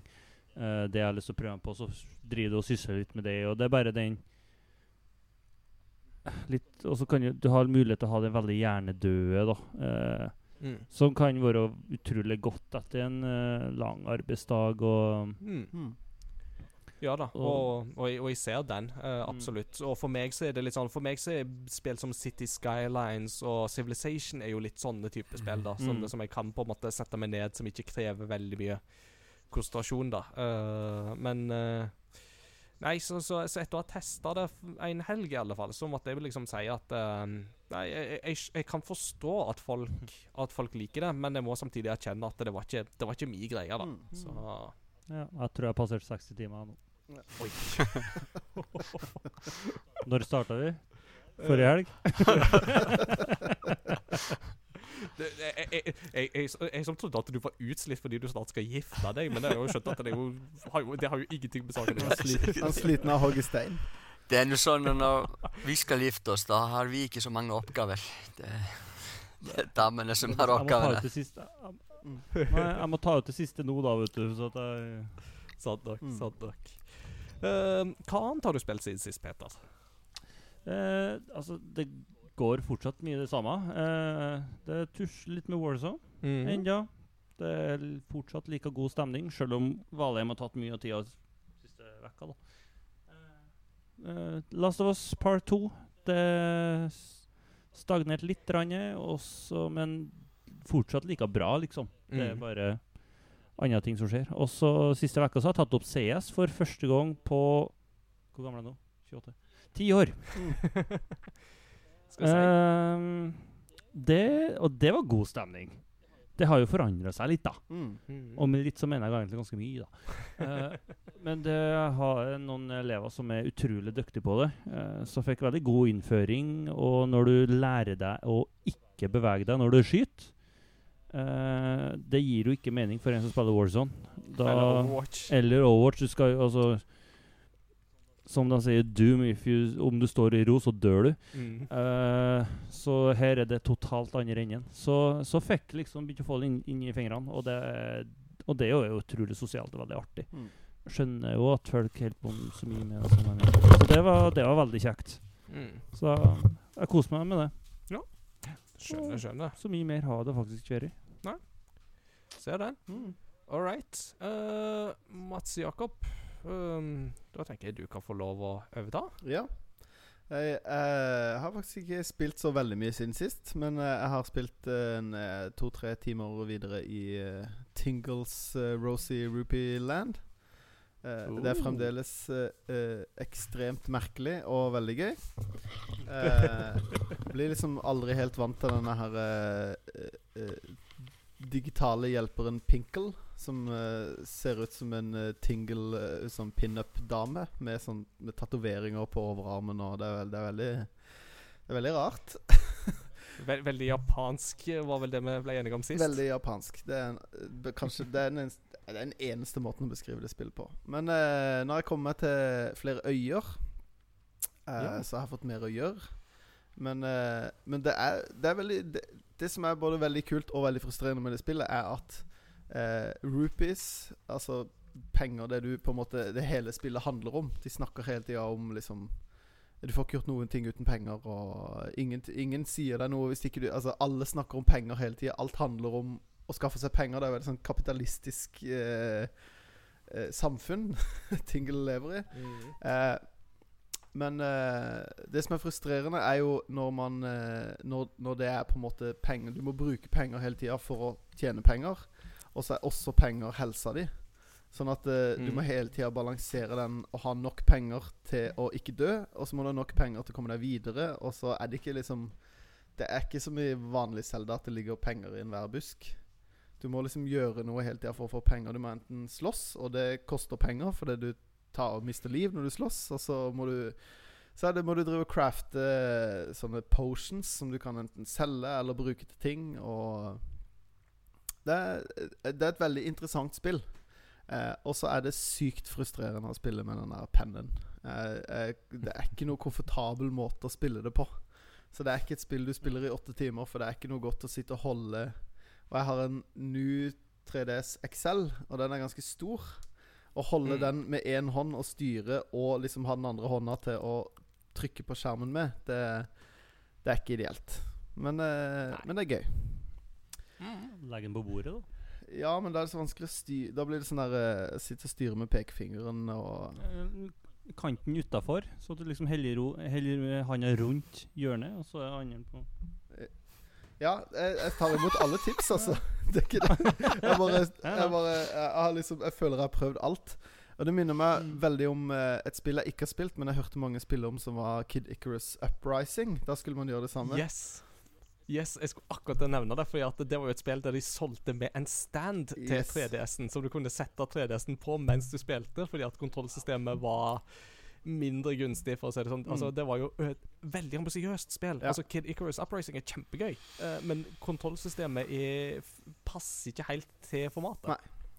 Så det Da hørte jeg på en podkast hvor de snakka mye om det, og han ene hadde funnet ut at det beste var å bruke en sånn Uh, uh, Dragon Quest Slime DS-holder til å sette Ja. han i, og så da fikk han det til, liksom. Det passa perfekt for han. Så det eh, Jeg må finne en løsning på det, eller bare akseptere at jeg kan spille det spillet maks en time av gangen. Eh, ellers så har jeg eh, vært litt sånn eh, omrokeringer eh, i, eh, i huset. Vi skal på sikt bygge på. Eh, og så Oh. har jeg eh, innsett at eh, Le Garage eh, passer ikke til spill og trommer. Eh, så det skal på sikt bare bli trommer, og da har jeg begynt å som smått pakke ned alle spillene der. Eh, men eh, jeg klarer ikke å ikke ha noe oppe, så eh, jeg var på brukten. Kjøpte meg en bitte liten TV-benk. Flytta bilder bilderør-TV-en opp i gamle Batcaven og har rigga meg til et hjørne der med eh, Jeg, pl jeg plukka ut eh, fire konsoller jeg ville ha der, og en bunke med spill til hver, som jeg tenkte dette er det jeg skal prøve å få spilt fremover. da Ja. Så der har jeg Super Nintendo, 64, GameCube og eh, original Xbox. Mm. Eh, så i dag har jeg sittet og spilt Kirby 64 med eldstemann. Han er jo en Ja. stor Kirby-fan. Det er veldig gøy. Mm. Eh, og så begynte jeg på Ocarina of Time, Oh. eh, men på GameCube. Jeg har aldri spilt det på GameCube før. Ja, du, jeg har tenkt på akkurat det samme i det siste Mm. sjøl. For jeg har jo den uh, Master Quest-disken eh, liggende, og har jo tenkt på det at uh, GameCube egentlig er et perfekt format å spille, spille det på. Ja, for jeg har tenkt å ha lyst, hatt lyst til å spille det igjen, men, men uh, etter å ha spilt det Tingle-spillet på 3DS-en, så frister det ikke å spille et så langt spill på DS-en, selv om det ikke involverer den pennen noe særlig. Eh, men uh, jeg er veldig spent. Det, Ocarina er jo et uh, ekstremt nostalgisk spill, sånn at Jeg vil ikke på en måte Det føles litt som at jeg besudler det med å ikke spille det på Nintendo 64. Eller sånn det Mm. Men nei, jeg gleder meg til å spille videre i det. Så jeg, der fikk jeg spilt bitte, bitte litt i dag. Nice. Yeah. Ehm, for min del så har det gått i litt forskjellige ting. Uh, Valheim har jo allerede nevnt. Um, og så har jo vi uh, i Retrospellauget, som det jo heter i uh, discorden vår, der vi spiller retrospill sammen, så har vi jo nå blitt enige om at vi skal spille Portal og Portal 2. Eh, så til første samling så spilte vi gjennom Portal. For det tar jo ikke så veldig mye mer enn to til tre timer, avhengig av eh, hvor erfaren du er med spillet. Og til samlinga som vi hadde i går, så hadde vi lekser å spille de tre første kapitlene av Portal 2. Uh, og det kjenner jeg, det er kos. Altså, det er så morsomt tvers igjennom å spille. Det er det, det er få spill som får meg til å sitte og bare le høyt mens jeg spiller. Men altså, Monkey Island er jo en type spill som har den effekten, og Portal har den effekten. Mm. Uh, og det er jo særlig i Altså Det å spille de back to back på den måten er ekstra gøy, fordi at da legger du merke til ekstra mange detaljer. Um, jeg skal ikke spoile sånn veldig mye, men altså det er tydelig at det har gått veldig lang tid fra Portal til Portal 2. For når du begynner i Portal 2, så er alt overgrodd, og ting er blitt veldig falleferdig og sånt, og du må gå i liksom sånn irrganger mens testkammeret detter litt sånn fra hverandre mens du går. Uh, og etter hvert som du går, så begynner du å kjenne igjen noen av testkamrene som du da besøker. Bare at eh, de ser jo helt annerledes ut nå enn det de gjorde i Portal 1. Mm. Uh, og det er artig, uh, for det er ikke sånn som du alltid legger like mye merke til når du spiller uh, Portal 2 veldig lenge etterpå. Mm. Og så er det jo fortsatt sånn da i eh, Portal at uh, stjernene her, det er jo stemmeskuespillerne. Og i Portal 2 så briljerer de jo alle sammen. Ellen McLean i rollen som GLaDOS og disse små turrets er jo et, noe av liksom det beste voice acting i videogame of all time. Mm. Uh, så, men så får du jo òg selskap av eh, Stephen Merchant, som har rollen som Wheatley. En sånn uh, liten sånn kube av en uh, sånn AI som prøver å hjelpe deg. Og bare sånn 'Å, hva er det? Å, jeg har aldri sett det før. Å, jeg aner ikke om dette kommer til å fungere.' 'Å, hva er de eggene der for noe?' 'Å, de er ah, Fugl, fugl, fugl, fugl. Så aner jo ingenting om verden og er jo liksom bare sånn total blast og er så artig. Uh, og etter hvert så kom jo JK Simmons inn òg, som Mm. eh, Cave Johnson, eh, grunnleggeren av Aperture Laboratories, eh, det, som jo er åstedet for Portal-spillene. Mm. Og allerede nå så kan du jo gå og se liksom disse reklamesnuttene de lagde for Portal 2, og Cave Johnson snakke om alt det fantastiske de gjør i Aperture, som slettes ikke er fantastisk i det hele tatt. Og det er ja, spot on, altså. Kult. Ja, de er gode. Mm. De er. Men ja, det er flust av gode vitser, og Portal 2 leverer bare fort, altså veldig. Det, det er så gøy å se um, hvordan de tar konseptet og bare videreutvikler det. Mm. Fortsatt et av mine favorittspill, uh, men eh, det er jo nesten ti år siden sist jeg har spilt det, så det er en del ting jeg har glemt, og det gjør det jo ekstra artig. Og mye kake. Og mye kake, ikke minst. Um, andre ting. Jeg har uh, fortsatt på Hitman. Nå er jeg kommet til Hitman 3. Uh, og det er jo det som er kommet ut nå i januar, så det er veldig gøy. Eh, første oppdraget der, da er du jo i eh, Dubai, og i Du er ikke i Burj Khalifa, men du er da i det nye bygget som da skal være verdens høyeste bygg, som da er Burj Al-Ghazadi Mm. som eh, den unge prins Al-Ghazadi har uh, fått bygge, og du besøker dette under åpningsseremonien, og det er veldig festlig, for da står han prinsen og snakker og liksom for publikum og snakker om sånn sånn Nei, som dere dere vet, så kommer jeg fra den mindre privilegerte delen av Al-Ghazadi-familien, men eh, men takket være et lite lån på noen millioner fra min far, så har jeg klart å få bygge dette tårnet her, og Og det var sånn hmm, ha, Har vi hørt noe Ja. lignende sånt før? og, og for meg så er det bare sånn mange gamere snakker om sånn der No, no, no politics in my games. Altså, ikke, jeg vil ikke ha politikk i spillene mine og sånt. Men det er bare sånn Hitman 3 viser bare at jo, jo, hvis du gjør det riktig, Mm. please put politics in my Ja. games.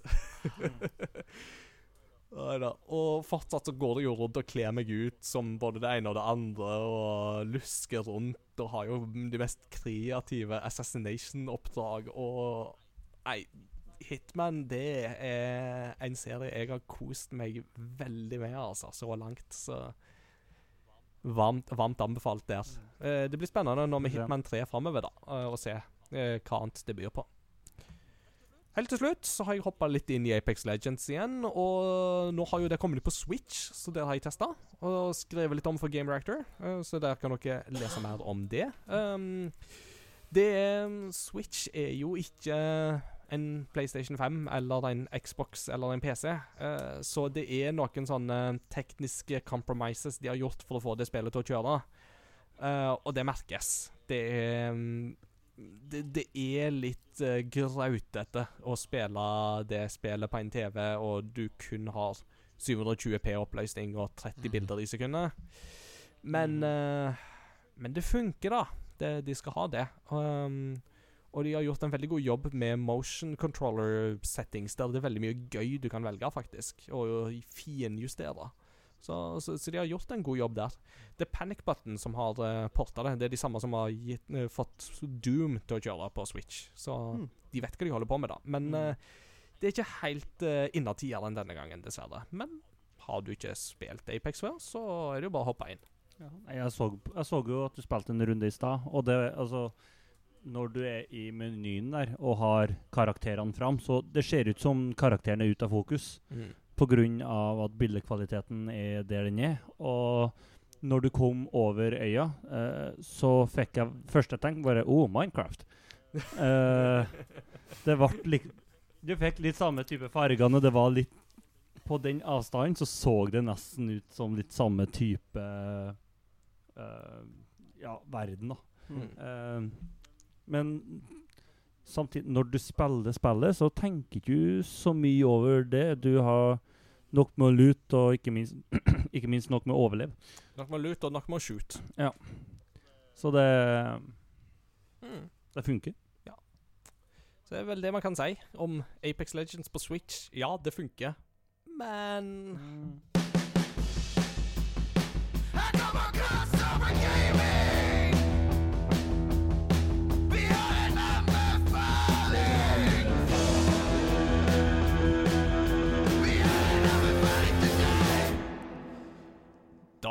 skal vi ha litt anbefalinger. Og gjest, Gunnar eh, du er, jeg, jeg regner jo med at du, du, du får jo du, du har sikkert lest litt bøker gjennom livet, kanskje sett en film eller to. Kanskje spist noe god mat i det siste. Er det noe av dette her som du har lyst til å anbefale til våre lyttere? Ja, jeg, jeg spiser masse god mat. Eller jeg gjorde det før korona, men Eller finns det en massa kakor? Fick kakor kanske fem, sex gånger i veckan egentligen fram till corona kom. Du ser jo ikke nei, sånn ut. Nei, jeg, jeg er helt inne med det. Askeladden og trollet legger inn. Nei, eh, så er det nå Så er helt jeg er gift til en dame som er veldig, veldig flink å lage mat. Men dere får ikke prøve det. Men jeg, jeg, jag hade inte förberett det här, men, men jag kommer på en bok som jag, jag kunde anbefala. Det är en gammal bok, kanske. Ja, men kör på. Mm. Jag vet inte om du finner hon översatt på norsk, men på engelska heter hon A Child Called It. Mm. Det var en första sån vuxenbok som jag las och jag las den på en dag och var så mm. intressant. Det är en sann historia och han som skrev boken heter David Peltzer Och den handlar um, om han eh, hjemmevold, faktisk. Han mm. blir mm. psykisk og fysisk ja, eh, bara mishandla af sín mamma helt til hann blir tatt af barnavend når hann er 12 ára gammel. Og það sem mm. að gjöru inntrykk på mig með den boka er ekki nödvendigvis allt voldi sem hann upplever men det er samfundið öfrige og faren og alla er svo passífa, ingen gjöru nokka Mm. Hún sultir hans og hann stjelir mat på skóla hela tíða menn skóla reagerir ekki. De klagar bara på foreldrarna að hann er stjela. og det er svona, mm. den mm. boka júrið er svona indirekt på to måter for meg i den tíða. Først að det er ingen grenser for hvor sprø folk kan være. Mm. mm. Og den andre er indifference. Mm. Det er noe som vi må alltid være oppmerksom på. Så vi, vi, vi liker ikke å se det unna, men vi må rette blikket. Så det er bok som jeg anbefaler til folk å lese. Den er lettlest. Og Ja. Sånne som prester må jeg bruke anledningen og anbefale en fantastisk bok som jeg kjøpte for et par måneder siden. Bibelfortellinger for barn, skrevet etter Svein Tindberg. Ja. Jeg vet ikke hvis dere har sett den Bibelen, men det er faktisk den første barnebibel som jeg har sett og lest, som er faktisk barnebibel. For Ja. de fleste barnebibler eh, er bare Bibelen med bilder. Eller er så kleine at du kan egentlig ikke bruke det. Men den er tro til Bibelen, samtidig gjør den historien artig og fungerende for barn. Så den anbefales for alle som har unge. Ja. Så eh, Du, det var kjempespennende. Uh, jeg, jeg, har liksom hørt litt og sett litt rundt, eh, rundt den, uh, men så har den liksom forsvunnet litt sånn i alt annet av støy og mylder og sånt. Men uh, Ja. Nei, det er faktisk Nå gir jeg den boka hver gang jeg har dåp. For jeg syns den er ordentlig. Så det ville være mine to anbefalinger av bøker for folk som har lyst på noe. ja. To veldig forskjellige bøker. det må vi jo si mildt sagt. Men, men Men eh, ja, kontraster, det, det, det liker Ja, vi. Det- Vi liker kontrapunkter og alt det, så det er bra. Det er bra. Nei, så det var da mm, Så A Child Called It av David, David Peltzer mm. og Barnebibelen av Svein Tilberg. Ja. Det er, Rett og slett. og så bare spise alle de kakene som dere får tak i. Yes. Then there will be cake. Ikke sant? For dette er en hebreke pachinko-kontroller til Super Nintendo. What? It's curiosity. What are you gonna show to me? It's curiosity. What a neat thing to know. It's curiosity. What are you gonna show to me? I haven't even heard of it. What a neat thing to know. It's a great part of the show. OK, Peter. Nå skal du få lov å prøve deg på noe du ikke har prøvd før. Nei. Som programleder i Crossover Gaming, i alle fall. Du skal få lov å ha kuriositet. Ja. Uh, og da lurer jeg på hva slags eh, kuriositet fra spillenes verden har du funnet til oss i dag? Eh, jeg har fant én, sikkert som mange kanskje kjenner til, men som jeg, når jeg kom over den, eh, drev og kikka litt rundt, så bare wow. Og så kom jeg akkurat på en til, så er jeg faktisk to. Ja. Uh, siden han nevnte eh, barnebibel, men den kommer til etterpå. Da sier jeg som i Life of Brian, tell us, tell us both of them. Will do. Uh, og det første, det er ifra eh, s- det Mario, så Nintendos store stjernes, uh, første opptreden. uh, jeg hadde Det var, jeg fikk litt sånn Når jeg hørte hvor den var, så fikk jeg litt sånn sjokk. For det var jo ikke et Mario-spill. Uh, men det var jo da eh, gode, gamle eh, Donkey Kong eh, som kom i eh, 1981. Og da het den heller ikke Mario, men Jumpman. Mm. Det var sånn Hæ? Stemmer det. Han, han ser jo sånn ut, han. Det, og så, så det var sånn Det, altså, det syns jeg var litt artig. Mm. Jeg var ikke helt uh, forberedt på den, så ja, så det var sånn artig uh, og, Ja, artig en som jeg tenkte fin å vite om. Uh, Andre uh, blir vel mer en sånn kuriositetisk anbefaling eller noe sånt der. Um, men det er da kanskje Det er kanskje den uh, julegaven jeg er mest fornøyd med, som jeg kjøpte en av mine onkelunger, uh, som er gamer. Mhm. Han eh, spiller da Minecraft, og jeg begynte å tenke på han fordi du snakka om barnebibel. For det er jo en barnebibel som er lagd hvor animasjonene, eller historiene, er fra Minecraft-universet. Mm. Uh, som det er liksom bilder. Så hva hele liksom all his, all ny, Det Nytestamentet og alle historiene er liksom fra uh, Minecraft, og det er god og lett humor.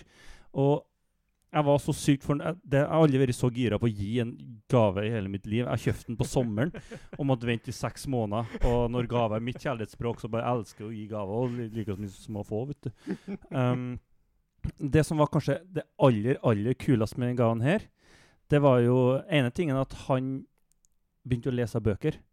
Uh, han gutten han- han, Det var det han gjorde om kvelden. Det var at han leste Bibelen, Minecraft-bibelen. Mm -hmm. uh, men hans ikke-kristne venner på skolen de kom hjem på besøk for de hadde lyst til å lese i Minecraft-bibelen, fordi de gama Minecraft sjøl. Og de snakka så mye om Minecraft-bibelen, de vennene imellom, og læreren fikk den med seg. Så uh, Adrian, som han heter, min onkelunge Takk skal du ha. F- eh, fikk beskjed at, du, at du må ta med den uh, Minecraft-bibelen, så skal vi lese litt sånn historier fra den i uh, klasserommet på uh, en ikke-kristen skole. Så jeg gikk gjennom påskehistoriene og litt sånn forskjellige fortellinger på grunn, gjennom den bibelen. Og da var det sånn Jeg kjente jeg scora så sykt bra onkel, mange onkelpoeng på den. så har dere noen onkelunger eller noe sånt der som spiller Minecraft? Minecraft-bibelen, den er så gull. Nice. Ja, det må jeg se på. Da har du fått eh, Ja, Mm. da, da har du fått eh, Ja. tips eh, der. Så da, da bytta vi en barnevideo der. Det, det, det, det pleier å være logisk innhold i denne podkasten her, men nå har vi anbefalt ikke bare én, men to barnebibler. Det syns jeg det er Ny rekord. Ny rekord, rett og slett. Vi er kommet til mm, veis ende, og vi skal avslutte med et postludium. Men det er nå jeg lurer litt på om jeg har gjort en eh, god nok jobb som, uh, som, som vert. For egentlig så er det jo eh, opp til gjesten å kunne servere et postludium. Eh, men jeg vet ikke, Gunnar, om jeg har forberedt deg godt nok på det. Eh, har du eh, Nei. Uh, Men det har Du- jeg ikke gjort. Er helt forferdelig, egentlig. Jeg måtte bruke muligheten. Hvorfor begynner du å svette? eller? Nei, men jeg, jeg vet ikke. Hva, hva har du Bruker du Spotify, eller?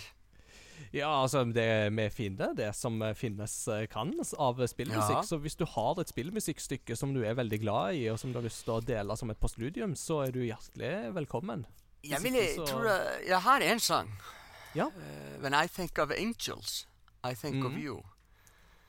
Uh, den er det er nemlig historien bak den sangen som er kanskje passer godt til temaet i dag. Dette med, med døden.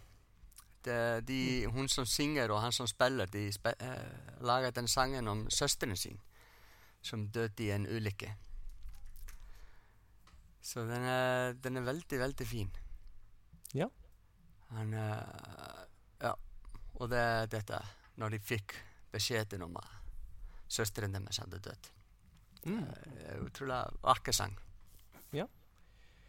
Det høres jo ut som en uh, god uh, Et godt og passende stykke til um, tema, så den skal vi få med. Og det passer jo greit å ha det som en sånn innledning til påsken òg. Uh, eh, når denne episoden kommer på mandag, så er det jo påsken rett rundt hjørnet. Så Mm. da tenker jeg at vi skal se om vi ikke kan eh, flette den inn. Ja, prøv det. Ja. Gunnar, da har jeg lyst igjen å si tusen hjertelig takk for at du tok tid til å være med på, på, på denne episoden. Jeg har lært kjempemasse, øh, og jeg syns det har vært fryktelig spennende å snakke om øh, denne tematikken. Ja. Nei, men eh, i like måte. Jeg trodde ikke at dette ville være så artig å være med på noe sånt. Ja, vi er veldig trivelige. Ja, dere er det. Og så har jeg fått så mange artige tips. Og jeg har skrevet her hele ark med slags ting som vi må se på. Ja, ja, ja. Og, og, og, og du vet, hvis du skulle glemme noe, så er det bare å høre denne episoden på nytt. Ja, ikke sant, ikke sant? Vi er overalt der podder blir kasta, så det er bare å Ja, det- eh, Jeg tror dere har fått en ny konte til å, på podkastet. Det er jo ingenting vi liker bedre enn det. Nei, men uh, virkelig, gutter. Uh, tusen hjertelig takk for å ta imot meg. Fordi jeg synes det er viktig å løfte fram dette temaet. Og jeg er veldig glad for at dere gjør det. Mm. Så Bare takk for hyggelig. det. Bare hyggelig. Eh, Peter, lykke til med siste innspurt til bryllupet. Det er, jeg har Jo, jo sagt at uh, gift blir dere uansett, om det så er på et tinghus eller om det er gjennom anyonecanperformweddings.com. Gunnar, hva, hva er reglene for eh, holdt på å si, vielse over Messenger? Er det noe som uh, eh, eh, Altså, Gir vigselsretten deg muligheten til det, eller hvordan, hvordan funker det? Nei, egentlig er Ju- Da Papirene kommer fra fylkesmannen, så hvis du har papirene på plass Mm. Men eh, presten i din sogn kunne bli ganske sint på meg hvis jeg begynner å vie mellom sogner. Mm. Så det er det som problemet ligger. Men jeg kunne gjøre det, faktisk, Ja. tror jeg. Ja, men, og biskopen ville kanskje bli litt irritert da. Ja, nei, altså som, som, som vi snakket om med, med League of Legends, altså sinte prester, det, det må vi unngå her. Ja, ikke sant? og hva da, sinte biskoper? Ja, ja, ikke minst. ikke minst. Ja. Men jo, eh, lykke til med det, Peter. Eh, Mats Jakob, du må ha god påskeferie du òg, når du kommer så langt. Eh, holde kidsa dine under Takk under kjøkkenet. De skal ikke få lov å gå opp komfyren mer. Nei, det er brent barn skyr komfyren. Det har vi lært eh, i denne episoden. Yep, jepp. Eh, vi tar naturligvis uh, fri skjærtorsdag, uh, så det vil si at eh, neste episode kommer da om eh, tre uker uh, ifra du hører denne episoden. Eh, tidligst, altså. Det, vi, tar, eh, vi tar høyde for at uh, trenger vi litt mer tid, så tar vi mer tid. Men eh, etter planen så er vi tilbake om tre ukers tid. Ingenting er sikkert sånn som det er nå. Så Nei da. Det s- Hvis Bent Høie vil, var det ikke Ja, det hvis vi sa? Inch høye. Mm. Takk for oss. Vi snakkes til neste korsvei. Ha det bra. Ha det. Uh, Ha det bra. When I think of angels, I think of you. And your flaming